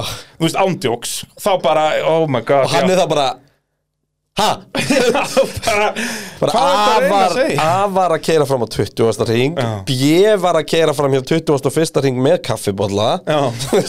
C var að fara stutt F var það þá tortellini í kvöldmatinn Nei, en það, ég elska þetta sko Þetta er dásamlegt Þú veist líka, allir aðrir eru með eitthvað, þú veist bara Herru, við erum góðum plan B plus 2 Já, Þú veist Já, það er, þú veist, maður heyrir það náttúrulega mjög oft út af sagt, ef það kemur öryggisbíl eða er öryggisbíl, stæðslengur Já, ég segja það, það kemur alltaf. En eh, já, Geirlogi spyr hérna eftir DRS væri ekki lengur í Formule 1 hefði Sainz haldið í Max í lokalhætta keppnar Nei, ekki séns Þá hefði Max uh, stungið af. En, en bara svona ferri í heldina ógislega dýr helgi hjá þeim og ég hef ekkert heyrt af því en ég vona innilega fyrir ferri þessi einhverju uppfæslur að koma bara núna í, uh, í brelldi sko. Já, þeir þurfa að catch up, sko. Já, þeir, núna ef við ætla að að sleppa takinu meira af, af Red Bull geta glemt þessu sko. Já Út af því að það er, þú veist, á mjög góðum degileg hann hugsanlega unnið verð stappen á þessum bíl. En þú, hann vinnur ekki mótið þannig. Ferrari þurfa að taka skref áfram. Já. Veist, þessi bíl er ekki að fara að vinna mótið. Ef, að- ef það verður engar, ef það verður stopp á allar uppfællur núna Myndir Red Bull fljúa þessu í gegn. Það er ekki málið Algjörlega, höldum áfram. Er þetta, já, ein pælingi viðbót. Var þetta næst besta helgi sens fyrir Ferrari? á eftir. Þá annarkvort það er eiginlega kannski þriðja besta. Ég set annars vegar Monaco í fyrra Annars seti þar á bíl sem átti ekkert að geta verið í öðru sendi í Monaco samt, þú Jú, jú, hann gat ekki liðsfélaginn það. tók ráspól sko Akkurat, akkurat eh, Eða Abu Dhabi í fyrra, er þriði Eða var þetta besti árangur sent í rauðu? Nei Já, Hvað er besti árangurinn í jú rauðu? sko Þetta hefði svo sannlega getur upp að stáðum Já, auðvitað ef hann hefði unnið Já, og, og, og ef að þessi öryggisbíl í restina hefði ekki komið út og hann hefði, og keppnisállin hefði verið rétt og hann hefði náða manns að keppna þannig að hann keldi Max á ferskari dekki fyrir aftur sig Já, og á tímbili var að að fara en þú veist, á tímbili var að fara að líta mjög vel út fyrir hann því að þú veist, hann var ekki að missa Max frá sér Max hefði verið að koma út svona 14 sekundar fyrir aftan hann, sko. Já, sem og Max gerði í rauninni uh, Hvað kemur Max? 10 sekundum fyrir aftan? 8? Nei, Max pittar í öryggisbílnum Svo nota öryggisbílnum Ég er að tala um Ha, nei, þá, þá Peter Sainz. Þá er Já, Sainz þá á pittar undan. Sainz, joke Já, þú veist, það sem þú varst að segja gerðist. Já, já, já, pittar já, aftur. Einmitt, kemur út hann af 12 sekundur aftan hann eða eitthvað. Og, og þá nær- er Sainz bara að manns að það gaf mjög vel. Veist, það var hann bara í Var komið neðst nýr í kannski 7,5 eða eitthvað svoleiðis. Og síðan náttúrulega kemur öryggisbílan og Sainz kemur inn. En við vorum að tala um það á þann að við teldum það að Sainz hefði ekki náða honum fyrir aftan sig Út af því að Verstappen hefði bara náða að saksa Þú veist, það er spurning hvernig dekkin á Verstappen hefði orðið. en allavega, Sainz var í kjör stuð til þess. Ég held að Verstappen hefði alltaf unnið En þú veist Ég held að Sainz hefði þurft að vinna Verstappinina til þess að þetta ítaflokks þannig. Líka sérstaklega út af því hver er besti árangur hans í röð? Ég held að þessi Abu Dhabi sjátti eitt sem mjög gott sko. Men þá er einu, tveir velunapallanir hingað til, sko. Með þessast fyrir tímabili ár Með Ferrari, tók hann bara tvo í fyrra Var hann með Nei, þrjá? hann tók bara tvo í fyrra. Ég held að hann hafa bara tekið tvo Náttúrulega Ferrari en ekki samkynni sem verið fyrra. Um, Þannig að, þú veist Þú veist, Þetta gæti verið besta verið En það kannski sýnir líka bara hvað hann er búið að vera mikið með Það í gæti líka verið svona ákveðið slíper dæmi, þú veist, bara eitthvað bara reyn hérna upp á árs eða eitthvað þannig, sko. Þá var hann samt bara í öðru seti Ég langt á eftir Og var, eða þú veist, þriðji basically út Já, af var það ekki, hann var fyrir aftan Verstappen, jú, Já, Verstappen var að berja stælu klerk, já Nei, er meina, Sainz sko. er ekki búinn að gera það sem við áttum vona á hann Nei, býtu, hann var líka í Ungverjalandi fyrra Já, í káusinu var hann á palli Já, já, já, en það er, þú veist Já, það var er ekki- kásketni, já. skilur Þá er bara Hamilton Já, býtu, hvernig var það Nei, já, þá er vinnur okkon Ég meina, þú veist, hann átti að vinna í Monaco í ár á kabla, en Verstappen átti líka að vinna í Monaco Já, og já. uh, hérna, Þeir átt Leclerc. allir að vinna í Monaco Þetta var bara spurningum hjá Það var hverjum. Hver dró stráið í, í nei, sko. síðan er hann líka í Rússlandi á velunapalli En það var aftur káskefni Já, mér, finnst hann, mér fannst hann betri fyrirheldur en í ár. Sainz. Já, 100%, 100% ég, bara, En ég, þá er ég bara að tala um, já, besta performance Er það ekki bara Abu Dhabi, ég held það. Hann sé rauður öruglega sko. Út af þá var hann að vinna sig actually upp, skiluru Og, og vinnur liðsfélagan. Já, ég segja það. Og ekki út af því að liðsfélagan ræst aftastur sko. Já. Og bara, já, ég, ég ætla að nekla því uh, eins og staðin núna, besti árangur hans í rauðu er Abu Dhabi í fyrra Já, og mig gruna með þess að besti árangur sem rauðu hafi verið í einhverju keppni það sem að bara besta mögulega sæti var fymta sæti sko Já. Þú veist, Já. hann vinnur og hann vinnuleg klerk og eitthvað, veist setnin hluta síðast tímabil skerðanlega slatta af því sko. Já, Þannig bara eiginlega Enda var endur við tímabil að vera ekkit vissur um það hvort þeir eru þið nummer eitt á þessu segi það. Er engin spurning um það. Nei, sent uh, alls ekki búin að vera nógu góður. En tölum þá um Mercedes. Já, mér finnst mjög áhugavert að horfa þetta. Var engin Mercedes spurning eftir allt sem gekk á þessa helgi Greinilega ekki, ekki Hlustendur okkar eru ekki svo leiðilegir að fara að spyrja um einhverja reglur og mí, Nei, Lewis. Hamilton og velunapalli Já, en ég minna það er, þetta er eins og með Red Bull Það er alltaf fasta spurningar, ef að þeim gengur bara ekki eftir vel. Þá er engar spurningar, það er bara en síðan Ferrari Allar spurningarna þar Þetta er alveg, og þú veist, McLaren núna með svona fimm spurningar Já. Bara út að skíturinn var heftarlegi viftunni þar Fannst þér?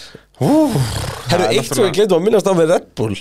Vissur að þegar tafðist allt í það mest í keppni? Heyrðu, býtu, já, ég sá, býtu, ég glemt að setja þessa spurningu inn. Það var dóbleitarhundur Heyrðu, já, Bjarni Ben spurði okkur um þetta. Að, Okkar allra besti. Okkar allra besti. Að hérna Það kom dópleitarhundur og þú veist þannig að eftir pallin og fagnalætinu gáttur ekki farið inn í skúr út. Að vera að leita bara á kokaina Já, Og hvað fannst eitthvað, veistu það? það fannst alltaf bara... fullt af túrinni. Já, það sem er krúllett sem er náttúrulega bara í dósunum. Já, já, um, og koffíni og skemmtilegt. Já. Nei, En, ég, eh, ég veit ekki, en Ginger Spice var hverki sjónleg Við erum komið slúður, við erum spilin the tea hérna í pitnum það er Nei, en að segja. hérna, ég, ég veit ekki til þess að hafa neitt fundist, nei. Nei, ég bara vissi ekki að þetta veri eitthvað almennt, þú veist, hafa er þá fengið tips eða er Þetta þetta er bara eitthvað tótt og verið óksla pyrraðar eftir þetta fund. Hornir uh, segi þetta, Já. býtu, ég ætla að ringja á lögguna. Hann hefur hringt anonymous call í, Yes, I am a uh, Canadian citizen. Sorry for calling. Sorry, já, með þýskasta hreim ever, sko. Þetta er I think there might ekki- be some uh, drugs Ég held garage ég held að Toto hafi dottið í, í Michael Scott og hent uh, salad dressing í skuffuna hjá Kristján Horner og ringt á lönguna og, en síðan komist þér að því að þetta væri bara salad dressing. Bara bing bara búm. Æ, Eh, en Mercedes eru í þriðasætti heimsastaramótinu og uh, voru ekkert að missa Ferrari neitt frá sér núna, töpuðu bara einhverjum tveimur, þreimur stigum á það Mercedes helgina. er þetta er svo mikið segla Ég, þetta er bara, þeir eru bara alltaf að sækja þau stig sem það, og talandi um, þú veist, bæði Red Bull og Ferrari búin að lenda í massífum bilunum. Já, ekkert um Mercedes. Nei, samt er bílinn að hristast í sundur. Já, þannig að þeir eru alveg er- þetta ennþá er- kunna að smíðast Já, þetta, sko. þetta, er eins og, þetta er bara eins og bensin sko, bara í, göttunum, þetta, þetta endist sko. En það er náttúrulega líka áhugaverðu punktur, þú veist, ok, þeir eru ekki að fara að vinna heimsvæmstaratitil en ef að þeir náðu þessum bíl í einhvers konar hraða að þá er það alveg vörri fyrir bæði Red Bull og Ferrari að bensin bilar ekkert. Algjörlega, hérna eitt heldur áhugavert með hennan bíl. Uh, Ég vissi ekki, ég, ég var búin að heyra það en náttúrulega James Allison var ekki yfir þessum bíl. Nei, nei, er þetta Það- ekki fyrsti bílinn sem hann er ekki yfir? Jó, þetta er fyrsti bílinni á nýja grunn Já, ákveðin skellur. Að taka við hérna áttföldum misturum og ert í þriðansendi Já, að hristast. Já, að, uh, það er ekki frábært. En hérna bara geggju helgi eh, hjá, hjá Mercedes uh, þriði og fjórðasæti Hamilton þriði, Russell fjórði og náttúrulega Russell gerði heiðalega tilraun í rigningunni Já, tölum aðeins um það, það var náttúrulega rigning í tímatökum og brautin að þotna og hann er eini sem að skelli sér á slikana Já, og með restin af ringnum hefði hann verið fljótari sko. Já. Þetta var bara fyrsta beðan. Já, sem var bara pollur í niður í beigju En spurningi var bara, þú veist, var hann að fara að tapa 10 sekundum eða var hann að fara að tapa 5 sekundum Því að 5 sekundar hefði hann getið unnið upp. Já, en hann endaði að tapa tíu. Já, já, en þú veist, ég bara virði það og svo endar hann í fjórasæti beint eftir liðsölu þannig að ekkert sem tapast á þessu. Nei. bara, þú veist, geggju ákvörun í raun og veru og, og hérna Og eftir að hugja sérstaklega að Benz vitalega þeir eru með keppnisræðan sko. Já, ég ætla bara aldrei að fara að dissa aukumann sem að reynir og hann hefur enga að tapa, hverju er rössalega að tapa? Já. Já, og svo náttúrulega bara ef hann hefði byrjað á ráspól Jú, jú, Vestappen hefði sennilega unnið hann en hann hefði sennilega verið annar. Hann er haldið Alonso fyrir aftur sig Já, og, jafnvel sæn Já. Ég er með við keppnisræðan á tímubili Þetta hefði verið, að, já, það hefði verið kannski vesen en, en já, bara Hann er enda á palli. play. Já, 100% Hamilton að vinna linsfélagin í fyrsta skipti síðan í Bahrein bara, hann er annarkort, náttúrulega til þess að vinna linsfélagin þarf það að vera Á palli. í fjórðasætti eða betra. Er, og, og uh, í tveir velunapallar Hamilton og það eru einu, tveir sigrar hans á linsfélag Spóða því. Það er ansi magnað. Uh, En við erum að tala um þá að Benz eru með 5 palla úr nýju keppnum á bíl sem er fyrir utan topp fjóra sko Það er bara djöðli gott, en eins og segja, bílinn bilar ekki og þeir sækja bara öll möguleg stig alltaf Ja. Það er bara, þú veist, að Hefur maður- komið DNF hjá Bensíjar? það hefur Nei, ekki komið í NF hjá Benz það var bara Vesti- lélegt hjá Hamilton í Saudi Og einmóla mannstu 13. Já, já, já, já. Þegar hann var bara fastur fyrir aftan einhvern Gastli eða eitthvað Nei, Albon Var það Albon? Var það ekki Alfa Tauri? Hann var fastur bak við Williams svo lengi Hann og Gastli voru fastur á bak við Albon Það var þannig Já, minnir að þetta var aðalega verið Gastli sem hann komst ekki fram hjá, en ábygglega Albon líka. En annars hafa báðir bílar verið í stigum í öllum keppnum fyrir utan þarna á Ímóla þegar Hamilton er 13. En við rættum svolítið hýtamáli hjá Mercedes hérna fyrir framöndu Þurfum kannski ekki að fara að stoppa neitt mikið lengur við það. Það bara eru bjartari tíma framönda núna hefðbundum kappaspörutum Væntanlega, bara spurningum hvað þessi nýja fíaregla actually seg gerir sko.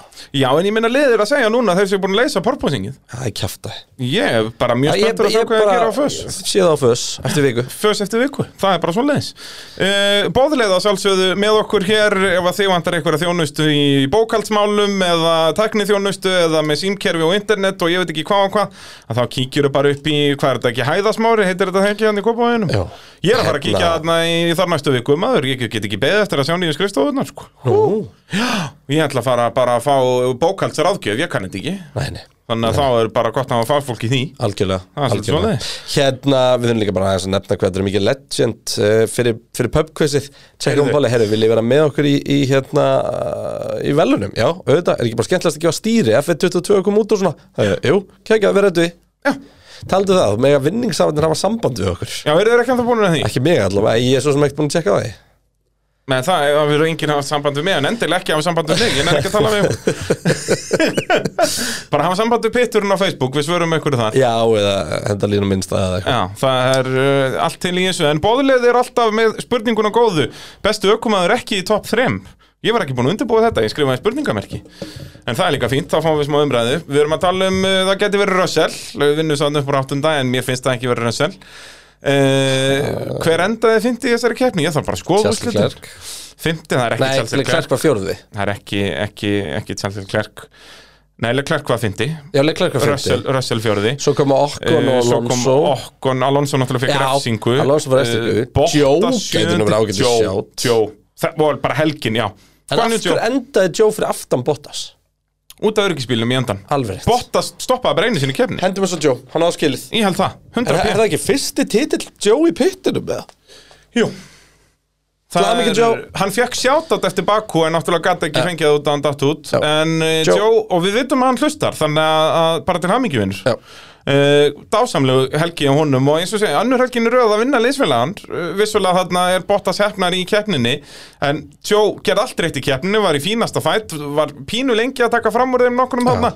Uh, og kemst náttúrulega fram úr mikk bara þegar hann bilar en, en jú, ólsegur kynverinn og, og vinnur hérna bóðlegar byggarinn góða. Akkurat, talandi um, talandi um svona, við erum að fara í McLaren næst. Mm.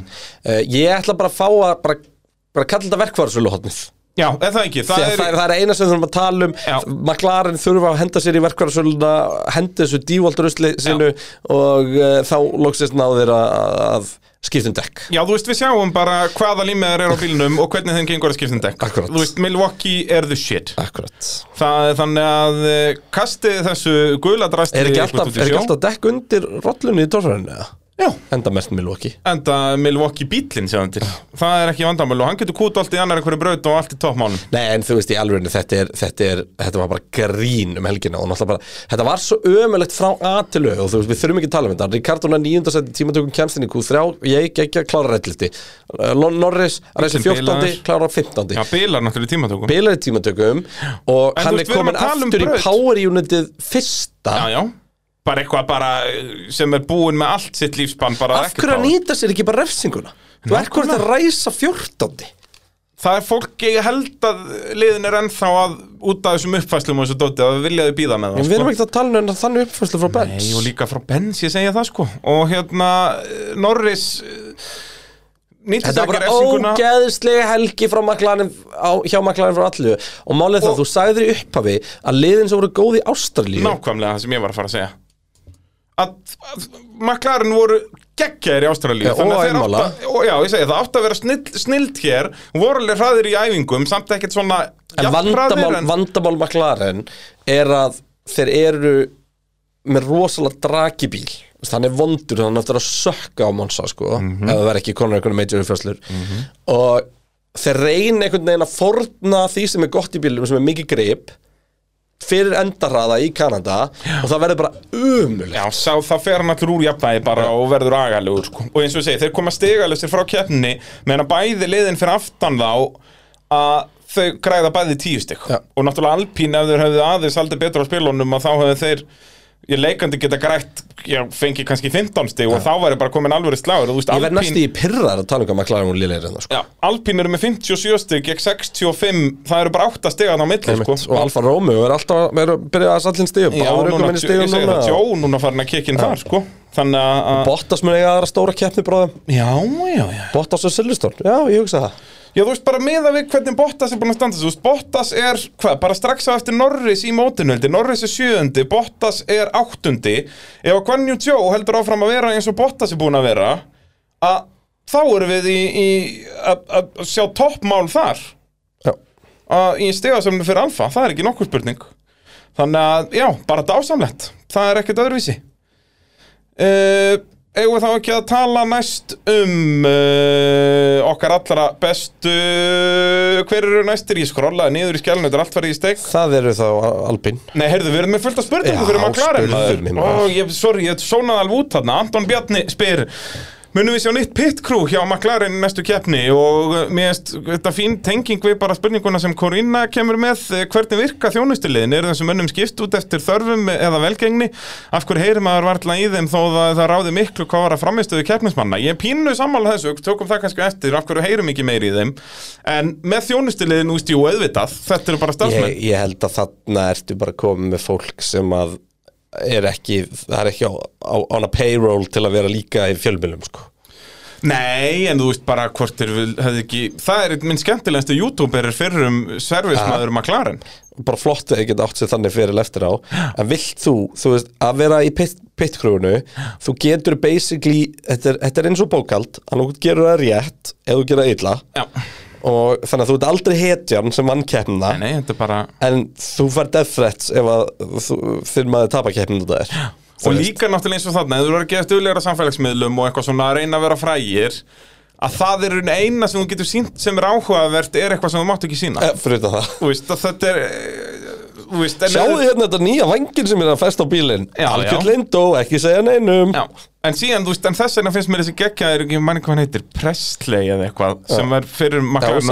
Já, hann er búin að skrifa bækur og allt um tíman sem þarna skilur og sögurnar sem eru þarna eru styrla, en þetta er allt eitthvað sem hann hefði ekkert mátt segja á staðnum, eins og þarna megnað í, í Bandaríkjónum 2005, ruggkeppni þegar ræsa 6 Já. út af þá er alveg konum við orðurómar um þetta á laugadeginum að missilin mun ekkert vera með, munu bara ræsa 6 þó að sé ekkert staðfest, en þá er allir í, inn í pitt bara farnir að, að ringja í búki og eða farin á internetið að að betta á bara, heyrðu, Montero verður á palli og þeir grættu þú veist á stöðlan því bara 150 eða eitthvað og þeir voru að græða bara endalust mikið af pening hann og það tóku bara sensinn, bara skella 100 pundum á þetta eða eitthvað.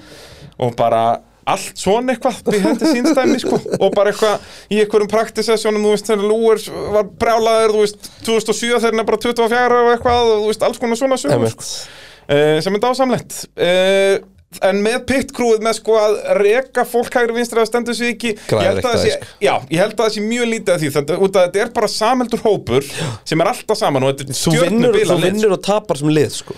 Já, og þess að það er miklu auðveldara að bara æfa sig meira með þessum mönnum heldur en að Já. skipta þeim út Því að þú veist, þetta er, þetta er líka bara hópur sem það þarf að ferða saman allt Já, þeir, árið. þur- það er nefnilega máli, þetta er svo mikill hópur og Þetta er við höfum lið, talað um þetta það er áður. lið. Já, Allir í þessu liði skipta máli og við höfum talað um það hérna áður að þetta, semst, pitt krúið sjálft, þetta er stöppugeðið lið sko. að þetta er bara karnevalskil og þú ert bara að ferðast og ferðast og ferðast. Þetta er ekki mikið af fjölskyldufólki þarna, Nei. nánast ekki neitt. Og svo er þetta náttúrulega bara sódölvað á virkumdögum alltaf. Og svo bara uh, vera reddi um helgar og náttúrulega vera duglega að fara í gimmið og eitthvað, þetta náttúrulega tekur á líkamlega sko.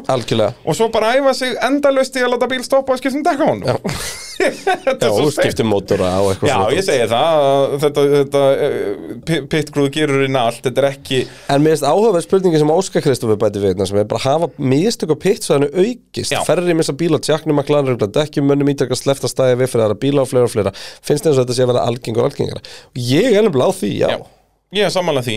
Bæði þegar við fengum regluna með að hæja á pitstop var það ekki mitt tímabili fyrra? Það þurfti að hæja á þessu. Eftir það fannst mér aukast feilarnir. Og svo núna náttúrulega held að það sé aðalega bara nýju dekkin. Þau eru eitthvað aðeins þingri og þarna, þú veist, fólki er náttúrulega búið að æfa þyngri. og bílarnir þingri, þú veist, þetta er allt bara nýtt. Já. og þá auðvitað koma bara fleiri mistök. Já, og svo einhvern veginn hlýtur eiginlega ekki að hjálpa hérna held sjálfkofanir Já.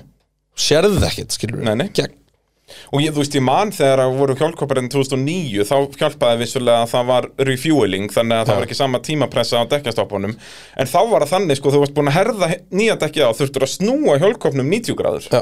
Og þá voru þess að Þá læstist það. airducts, já, þá læstist það og þá voru airducts sem að vísuðu fram til að kæla bremsur.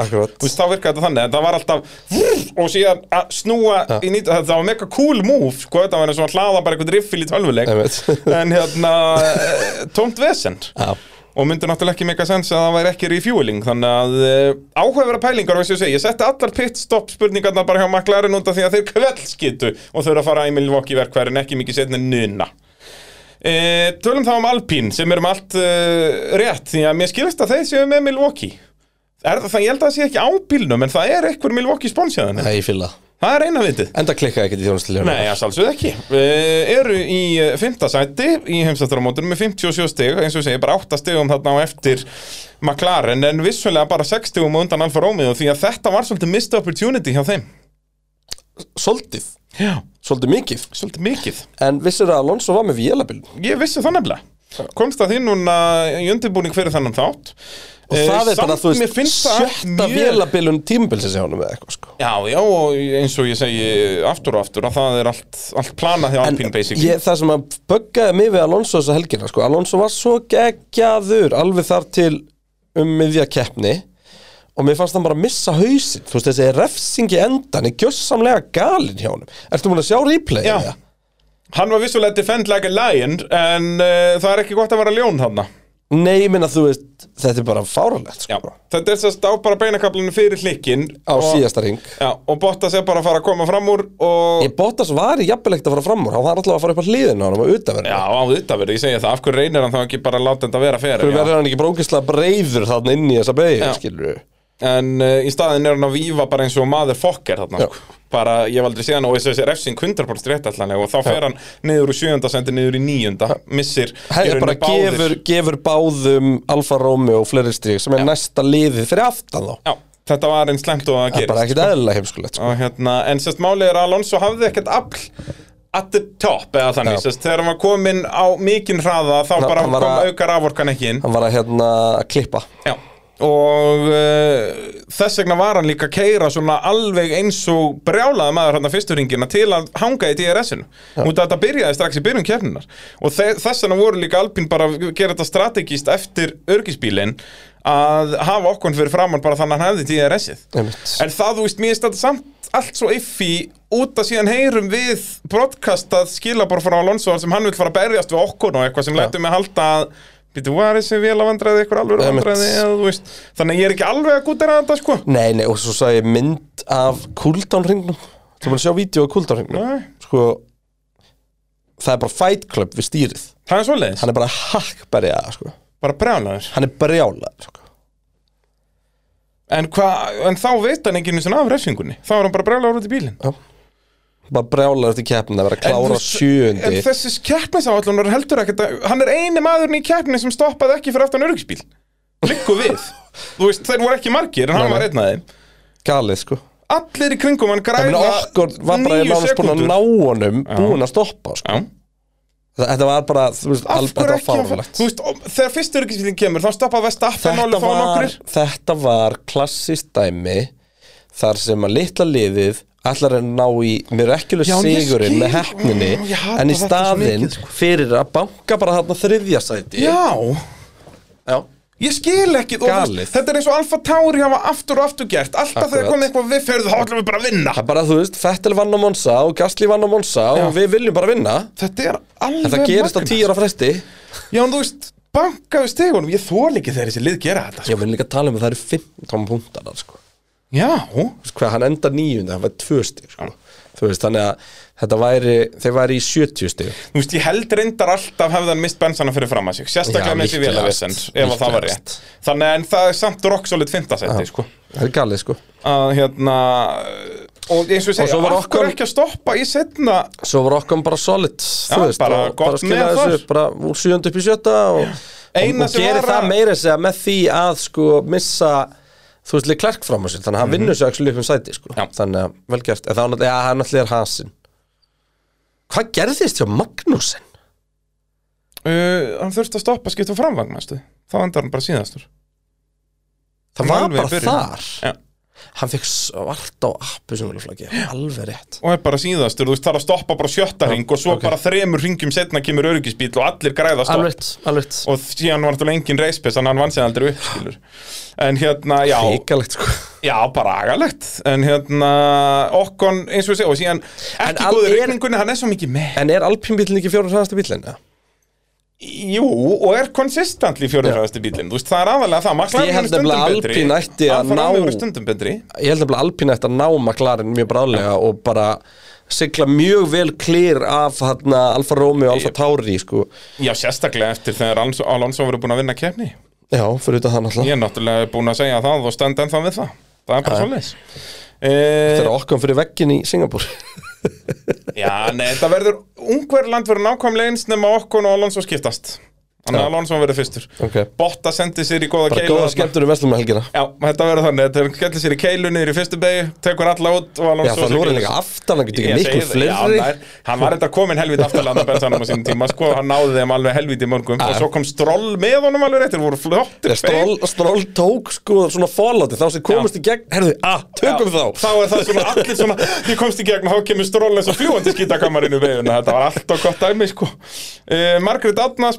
Klúruð Alpín liðið möguleika Alonso þriðjaða fjórðasætti e, já, nei Bensarnir hefðu náðum um strategían klúðraði allavega möguleikum hans á góðum úrslitum, já, já. orðum að þannig á að hámarka úrslitin Hvernig var það? Var það Já, Russell stoppar á 20. ring í setni ríkispílnum Af hverju anskotanum stoppar Alonso ekki? þar? Ég skil það ekki Nei, það er galið sko komið 20 ringi á millur í dekkjónum Jú, ok, þetta er tveimur ringjum fyrr áður en að optimal strategían er voru þeir að pæla bara, nei, það kemur annar öryggsbíl eftir þrjá ringi bara, oh, Ég, Og- sk ég skildi ekki. Eins og ég segi, þegar fyrst öryggisbílinn kemur á nýjönda ring, þá er ég alveg svona, ok, já, já Og þetta var, alltaf, og. þetta var alltaf stafrætt sko. Þetta var ekki já. þannig, ó við komum út á slæmum stað Nei, Þannig að nei. þeir munu ná mér áður en ég Þetta var bara, allir voru að kera jafn hægt á breytin, þetta er fáralegt. Alfa Romeo Racing Ferrari eh, er í sjötta sæti með 51 stig, bara 60 fyrir aftan Alpine. Núna er þessi pakki orðin eh, helvíti þjættur, Valtteri Bottas endar sjöundi á undan liðsfélaganum Guan Yu Zhou. Uh, er þetta ekki mesta stigasöfnun liðsins á þessu tímabili, má ég sjá? Nei, Var það Ímóla sem var betra? En samt Bottas endaði ekkert svo ofalega á Ímóla. Bottas var vel ofalega í fyrstu kefni Þeir voru sjötta og tíunda þar Hvað Ja. voru þeir, sjöunda og áttunda núna? Er það ekki bara svipað í stigum með? Það er betra núna Það er bara eitt stig fyrir tíunda Sjötta er e, Átta eða ekki Átta Hvað voru þeir að fá núna? 6 pluss 4, það eru 10 Það var bara 9 gæti það Svo Ástralía er bara áttundi Hann fara reyndar í fymta sæti. Það eru 10 stig, já, það er Ja. jafn gott. Ímóla og dagurinn í dag er jafn mörg stig. Sem að eins og ég segi, ég tel uh, það er besti árangur liðsins og, og virkilega vel gert. Og. Gunnins Jó búin að fá báðleðartitilinn og ég veit ekki hvað og hvað. Já, nú Joe bara ógeðslega flott hvernig þessi gæi er að vaksa Já, ég elska að Lance Stroll náði að krækja sér í stig en tapar sætjum heimsvættaramótun út af því að Joe. Fer upp fyrir hann. Joe komin upp í 16. sætið. Bottas náttúrulega ennþá hann bara 8. og eftir Norris En solid. núna verður bara áhugavert að fylgjast með Alfa Romeo bara áfram. Um, Þú veist, liðið helgi. Já, Alfa Romeo vissulega hafa tapað mikið að stigum á leiðilegum bílunum, alveg eins og Alpín. En Alfa Romeo, ég miklu meiri trú á þeim og þess að þetta er bara sáper, geggja lið að nýta sér tækifæri sem betur. Tökum þessa helgi sem dæmi. Zhou ræsir tíundi, Bottas 11 Alpín ræsa nummer 2 og 7 Liðin koma frá helginum í jafnmörgstig. Já. Þú veist, mér finnst þetta grundvallar munur á þessum liðum sko. Alfa Romeo vinna sig yfirleitt upp í keppnum. Alpín einhvern veginn eru duglegir að fokka þessu upp. Uh, En já, svo sem lítið annað að tala um með Alfa Romeo. Viltu Já. okkur að bæta við? Nei, Eigum þá að tala um Alfa Tauri RPPT já. Þar var heldur ekki mikið að tala um Það er bara einn ein hluti sem langt að tala um. Já, það er náttúrulega mikið að tala um bara út að þeir voru svo lélegir og vandamæli þarna, þeir koma út úr helginu með 0 stig meðan einmitt þessi lið sem þau eiga að vera að sækja á Já, og Gastli var þriðji í æfingum í rigningunni. Jep. Og svo kemst hann ekki upp á Q1 með nokkuð Nei, hvað, hann byrjar 15. Komst hann upp og Nei, var síðastur? Nei, nei, hann komst nei, ekki nei. upp Hann byrjar Hérna, 15. og svo er Jóta Leclerc. Já, akkurat, Já. hann endar 16. í sagt- Galið, sko Já, alveg á eins með Aston Martin sem við tölum um Já, næst ég er reyndar á skýringu Aston Martin, ég Ok. veit ekki hvort hún á líka við um Alfa Tauri En það er ekkert einhvern veginn sem við getum talað um, þú veist Nýta ekki tækifærin og þetta náttúrulega þetta elsku Juki mál. Oh my lord, það er einmitt spurning hérna frá Ágústi Hversu blöðurlegt þess að nota að kera veggin og leiða út á pitnum og skalan mitt í tíu? Sko, mér fannst þetta hrikalega blöðulegt Svo því Já. ég sá svipin á þeim í kuldanherbyggina þá fannst mér þetta ennþá blöðulega Já. En svo heyrði ég, ég hlustaði aftur því að það var köttar hljóðið af okkur mannstu Ég heyrði mig líka að segja. En þá eru verstafn og sæns að tala um að þetta hafi bara verið ógeðslega þannig úti. Sæns alveg bara, já það var bömparna sem ég þorði aldrei að bremsa nema fyrir. Já og eitthvað svona, þannig að þetta var greinlega, þeir höfðu smá samum með honum en æ, þetta bara lítur svo ógeðslega ítlu Hversu oft hefur hann farið út úr þessum pit exit um helgina? nokkru sinnum. Svona í alvöru tala, hvað er Já, það þú yfir helgina? þetta, var á, þetta var þurru, í þurru sko. Já, ég segi það, en svona almennt, almennt yfir helgina miklu oftar. Hvað ferðu yfirleitt oft út úr pit? Þú veist, hversu margir stittar er þetta? Þetta er ábygglega 15-20 í æfingunum ertu örgulega búið með 15 sinnum sko. Það er allavega 5 sinnum út af pitt í hverju æfingu. Já, já, leikandi. Þú veist. Já, veist, þannig að þetta, þetta á ekki svo, geta gæst og svo uh, þú veist, ef þú fyrir ekki um allar tímatökunda þá er það allavega 6 sinnum. Já, já, nákvæmlega. Og þú veist.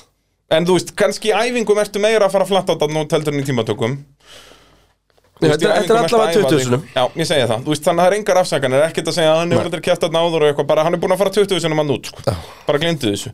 Og jú, jú, þetta segja, við erum búin að náttúrulega sjá það að Það eru lægri temperatur og dekkjunum eitthvað. Hann veit samt alla þessa hluti. Já, já, ég meina, þú fer líka bara 80% út af pittinum skilur. En þetta er, svo nota er ennþá bara að gera þetta, skiluru já, þetta er í fyrst kitt sem að gera þetta á þessu tímbili Já. þetta, þetta var eitthvað sem að ég held að hann væri búin að lossa við.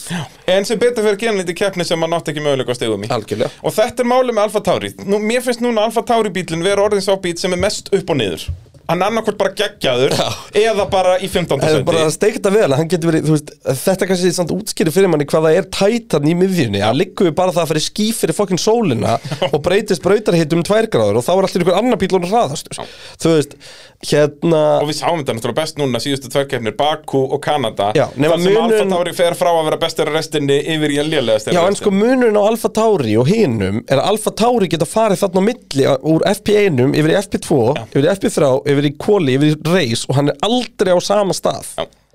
Það er mjög skrítið, sko. En þess vegna er líka svo mikið vandamál Alfa Tauri er lið eins og Alpine sem er ekki góðir að nýta tækifærin Já. og ef þú ert með svona bíl þá verður þú að nýta tækifærin þú veist eins og í. Baku, þegar brotnar að afturvængurinn skilur, auðvitað þetta er ekki strategi en svoleiðis, þetta er bara bilun en samt, og síðan náttúrulega allar þessar bilanir í byrjunum tímabilinu, þeir eru byrjar að fá vélaræfsingar núna út af öllum bilunum og veseninu þetta er alls ekki gott ef þú ert með unconsistent bíl Algjörlega. Þetta væri allt annað ef þú væri, ef þú væri alltaf bara í 7. og 8. sendi þá er allt í lagi að eiga eina inn á off-helgi en ef þú ert stundum í 5. og 7. og stundum í 14. og 15. og átt off-helgar á þeim helgum sem átt að vera í 5. og 7. það bara gengur ekki sko. Nei, það er bara svo leiðis e, þá eru bara næstir í röðinni Aston Martin komin upp um sæti komin upp í 8. sæti því að Landstról heima hetjan nældi sér í punkt Oh, Canada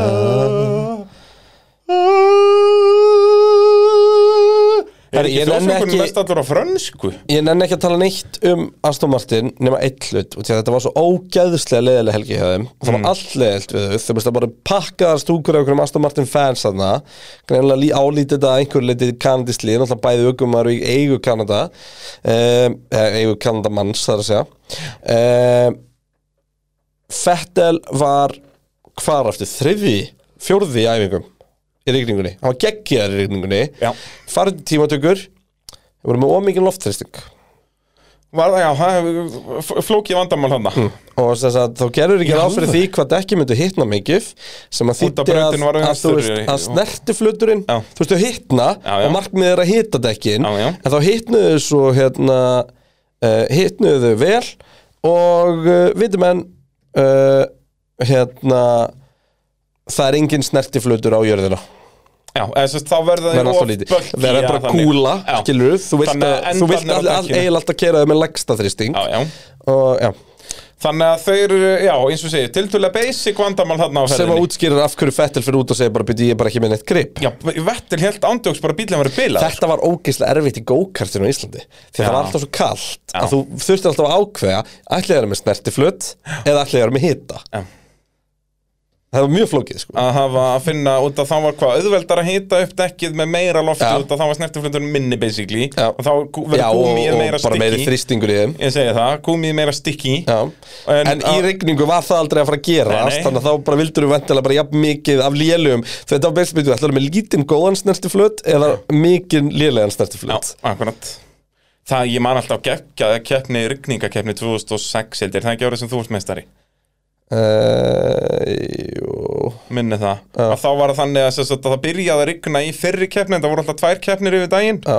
þannig að þið byrjuðu allir á slikkum og fóruð yfir rigninguna og allt voru í kaos og svo var setni keppnin í rigninguna þess að allir byrjaði á regdekkjum og það var alveg jafn mikið kaos, það var dásamlegt. Já. Þú þarfst að stoppa og taka hérna, að bara hrista loft Nei, út úr loftsíðunni þetta er árið á undan og þetta var keppni sem að ég sting af í. Nei, þetta er 2006 Var það? Já. Allavega, ég man, ég var að stinga af. Þú veist, ég var Já. 1,5 sekundur hraður ring og 29 sekundur ring, sko. Já, Og hérna Og nema bara, sérst Bara á fjórum ringjum alltaf Þá bara, Bara- fylltist loftundagi af lofti Nei, af vatni. Og málið er það, sérst, það var búið eitthvað svona spurning. Ég man, þetta var pínu mál, sko. Því að þú máttir ekkit eiga við já og við túlkuðu svo þá mættur ekki gera gött á loftintakið til þess að Dreina það, það sko. og menn það voru allir með það nema við sko. Já, þetta var að- dásamlega skot sem byggin á því að það bara stengur í minga að vera bara afi, afi hos einhverjum vinga Já. snúa bílnum á kvolf og síðan bara út aftur og síðan bara náður þeim öllum aftur og svo, og svo bara aftur í það Það er það indislegt það, það er ógeð, ég man þetta þetta var, svo, það var skemmtileg braut að kera yrningu sko. Já, mér minnir að þetta í fyrri keppninni þegar allir eru ennþá á slikkum í bleitu sko. það getur Gæti ég er alltaf bara, þetta var mitt speciality Það er bara svo leiðis uh, Anton spyr varðandi Aston Martin hvað varðum hraðan á Aston uh, frá æfingum yfir tímatökur? Vorum að svara því. Anton, veist ekki neitt? Já, en svo voru þeir bara ágættir í keppninni skilur Já, fínastir hraði. Fettel náttúrulega sem djöðl hrundan hann eftir öryggisbílinn. Hann var hvað áttundi í enduræsingunni já, hann tók í dekk. Já, hann var á sléttónundum dekkjum hann tók sjensin bara. Hvað, hann stoppar á 20. eða ekki, er hann ekki einn af þeim, minnið það. Fettil uh, Sebastian, when did you stop? Ég, ég stóri ef að ég hef skrifað það í skjælinn, Tíundaring sko. Nú, já, hann er stoppar á, á í fyrsta Beti, En hvað var það síðan? Nei, Fettil stoppaði tvisvar í keppni Jú, hann stoppa, hvað var það? Gastli og Fettel stoppuðu. Ég var handuð sem að eru bombað Já. En það var ekki verið að skipta hún inn á engi og ekki. Nei, þetta var bara stopp. Á sko sjötta, sjötta hring. planið þar var bara Þeir voru svo ógeðslega fastir og miklu hraðari bílum. Þeir ætlu bara frá aftast ná hópnum hvort framfyrir þá bara, En svo þetta náttúrulega komur ekki spila bara röngum tíma fyrir það. Uh, Haas Við var mjög að fyndi, tala um öryggisbílinn þá. kom eða aldrei á réttum tíma fyrir neitt Það var enginn sem grætti ógeðslega mikið. Bottas að byrja á hörðudekkjónum Náði hann að keira alveg að svo nota Já, Já, ok. Hann stoppar bara í svo nota Ok.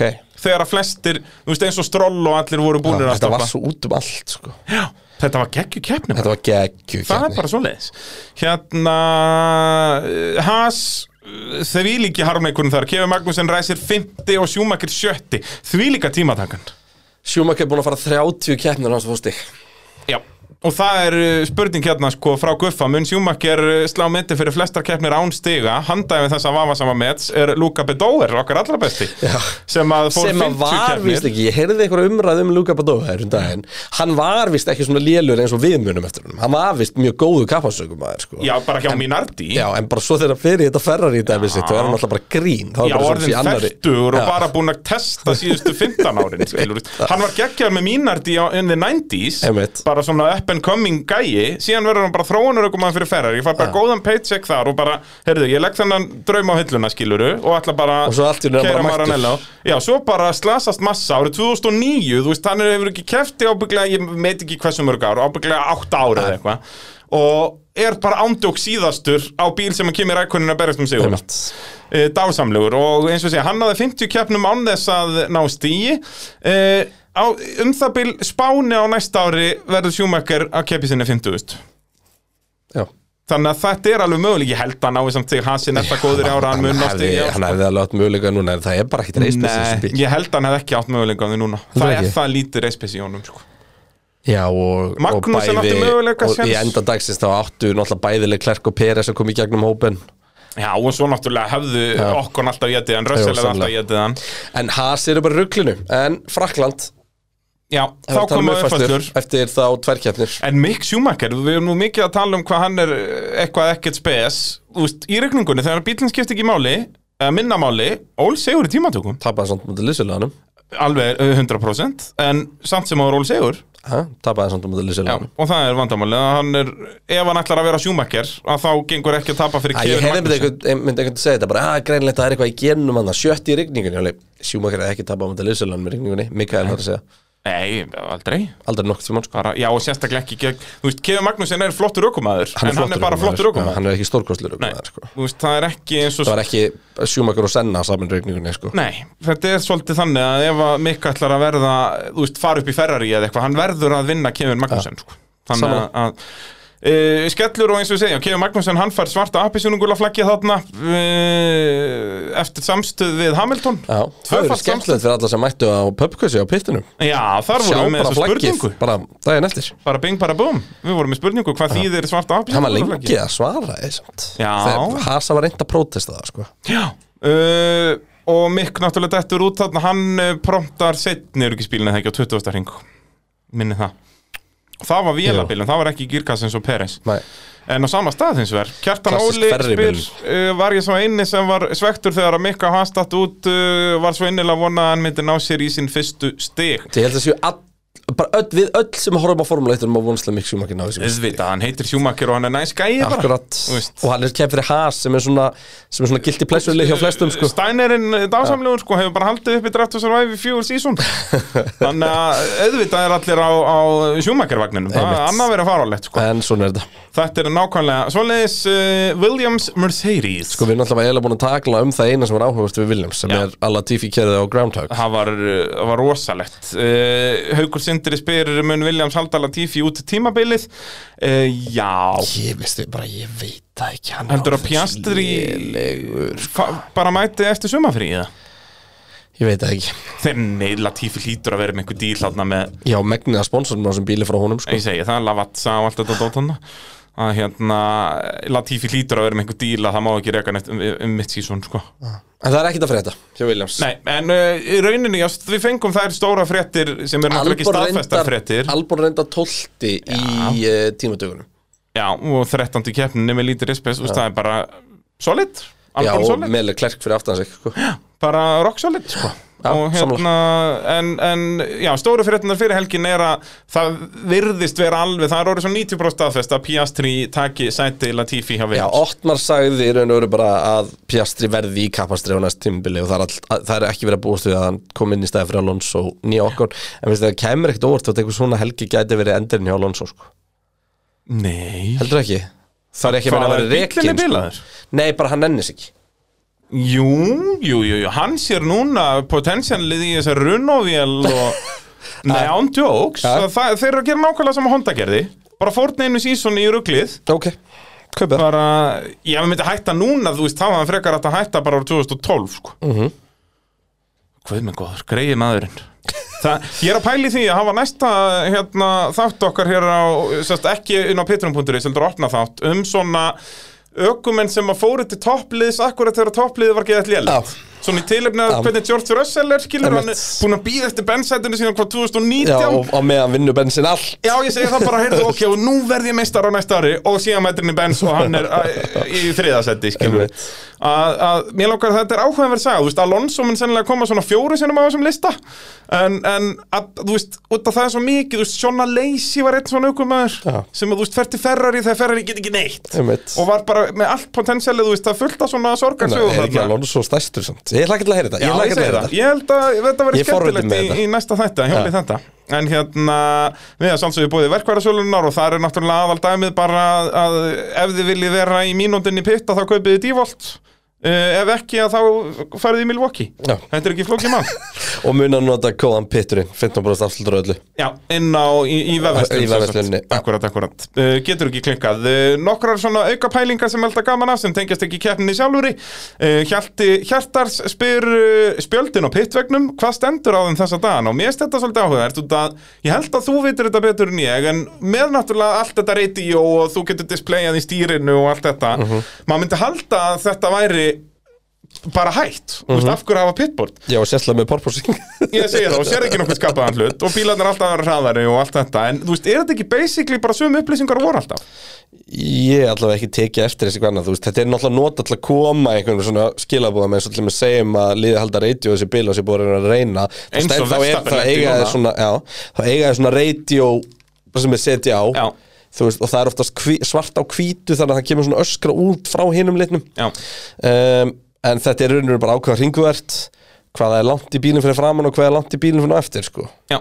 Þetta er ba basically það, þær upplýsingar bara að, sem að auðvitað þú ert að fá færð yfirleitt bara sem svona delta í stýrun eða þannig bara að það er svona langt í bílinn fyrir aftan og svona fyrir framann Það er og, þá það ekki stýrunöldi, ég held að það sé alltaf bara að segja Emma. Já, ok En þeir fá delta tíma sinn Já, akkurat og hérna, en já, það hefur henni merkilega lítið breyst miða við hvernig allt Já. hitt hefur þróast Einmitt. þá er þetta ennþá svona tildulega basic og ennþá alveg notað sem er mjög steikt, Algjörlega, sko. algjörlega Og ég held að sé mjög áhugavert sko, einmitt, þú veist, þegar maður fyrir að skoða dassið og allt það, það er allt þetta með hérna, hvað er mikið af upplýsingum þú veist, hiti í dekkjum og slíkt sem að aukuminn er bara komin með bara í tölum Já, sko. já, akkurat, í tölum ekki og ég bara held að það sem að þurfi sko er bara það, allt þetta dót er að hjálpa lélur aukuminn Já, það voru gæðinni sem voru magnaðir í þessu sem að urðu magnaðir skilur við svona Arton Senna er sennilega frægast ökumann hvað þetta var þar, hvað hann vissi allt um bílinn í fínum það dítil var bara eins og að væri bara samtengdur honum, hann var bara inn í tökjörn á hann finnst besta sagan um Senna var fyrir frá David Coulthard. Þegar hann er semst þróunarökumaður Williams, þá er þetta bara fyrir 94 sísonið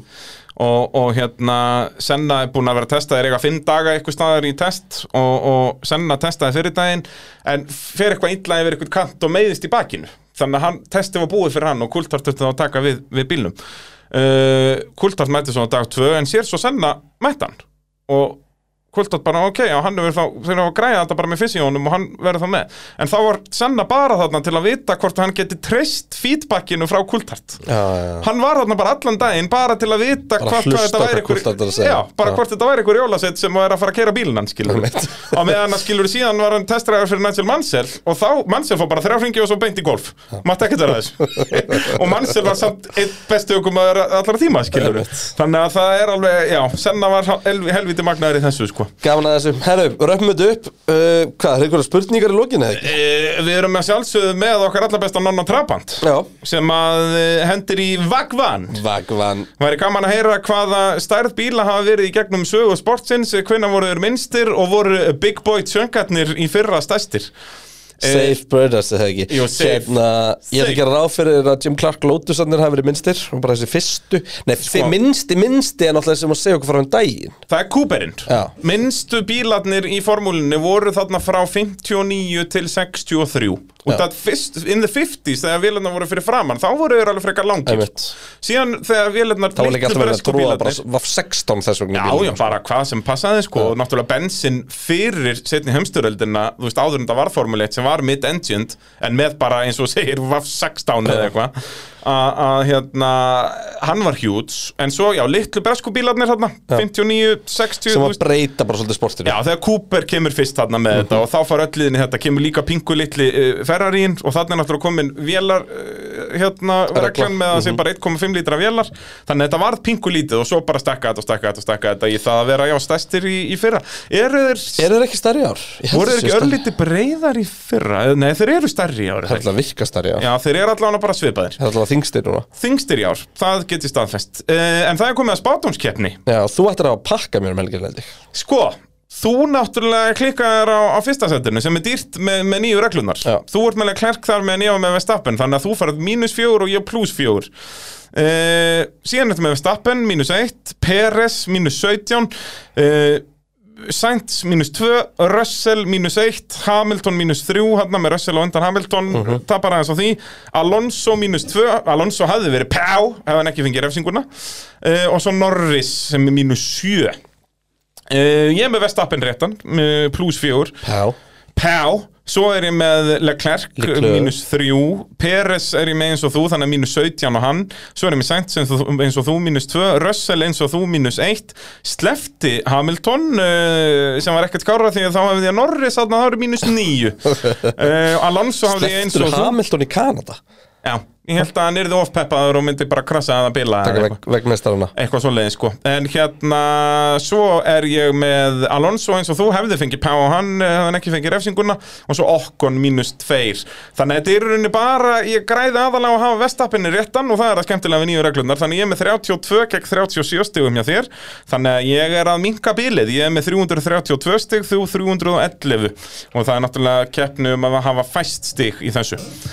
Eh, ég ætla að spá á Silverstone uh, Verstappen, Leclerc svo ég að sleppa báðum nummer tökumennunum Silverstone er car wrecker þannig ég ætla bara þó að bara annar dett út að þá ætti ég að græða því frekar en að hafa, þú veist, að sleppa við mínu 17 sko.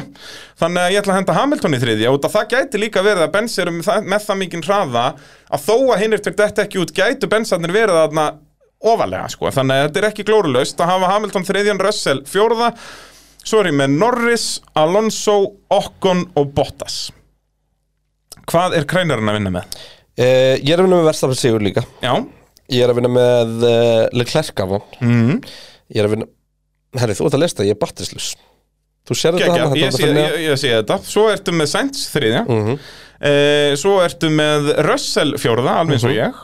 Svo ertu með Peres í fymta Sem er bara bull, ef hann klára þá klára hann frá með Russell sko Já, þetta er einkennilegt. En þá samt Fá mínustig í rauninni.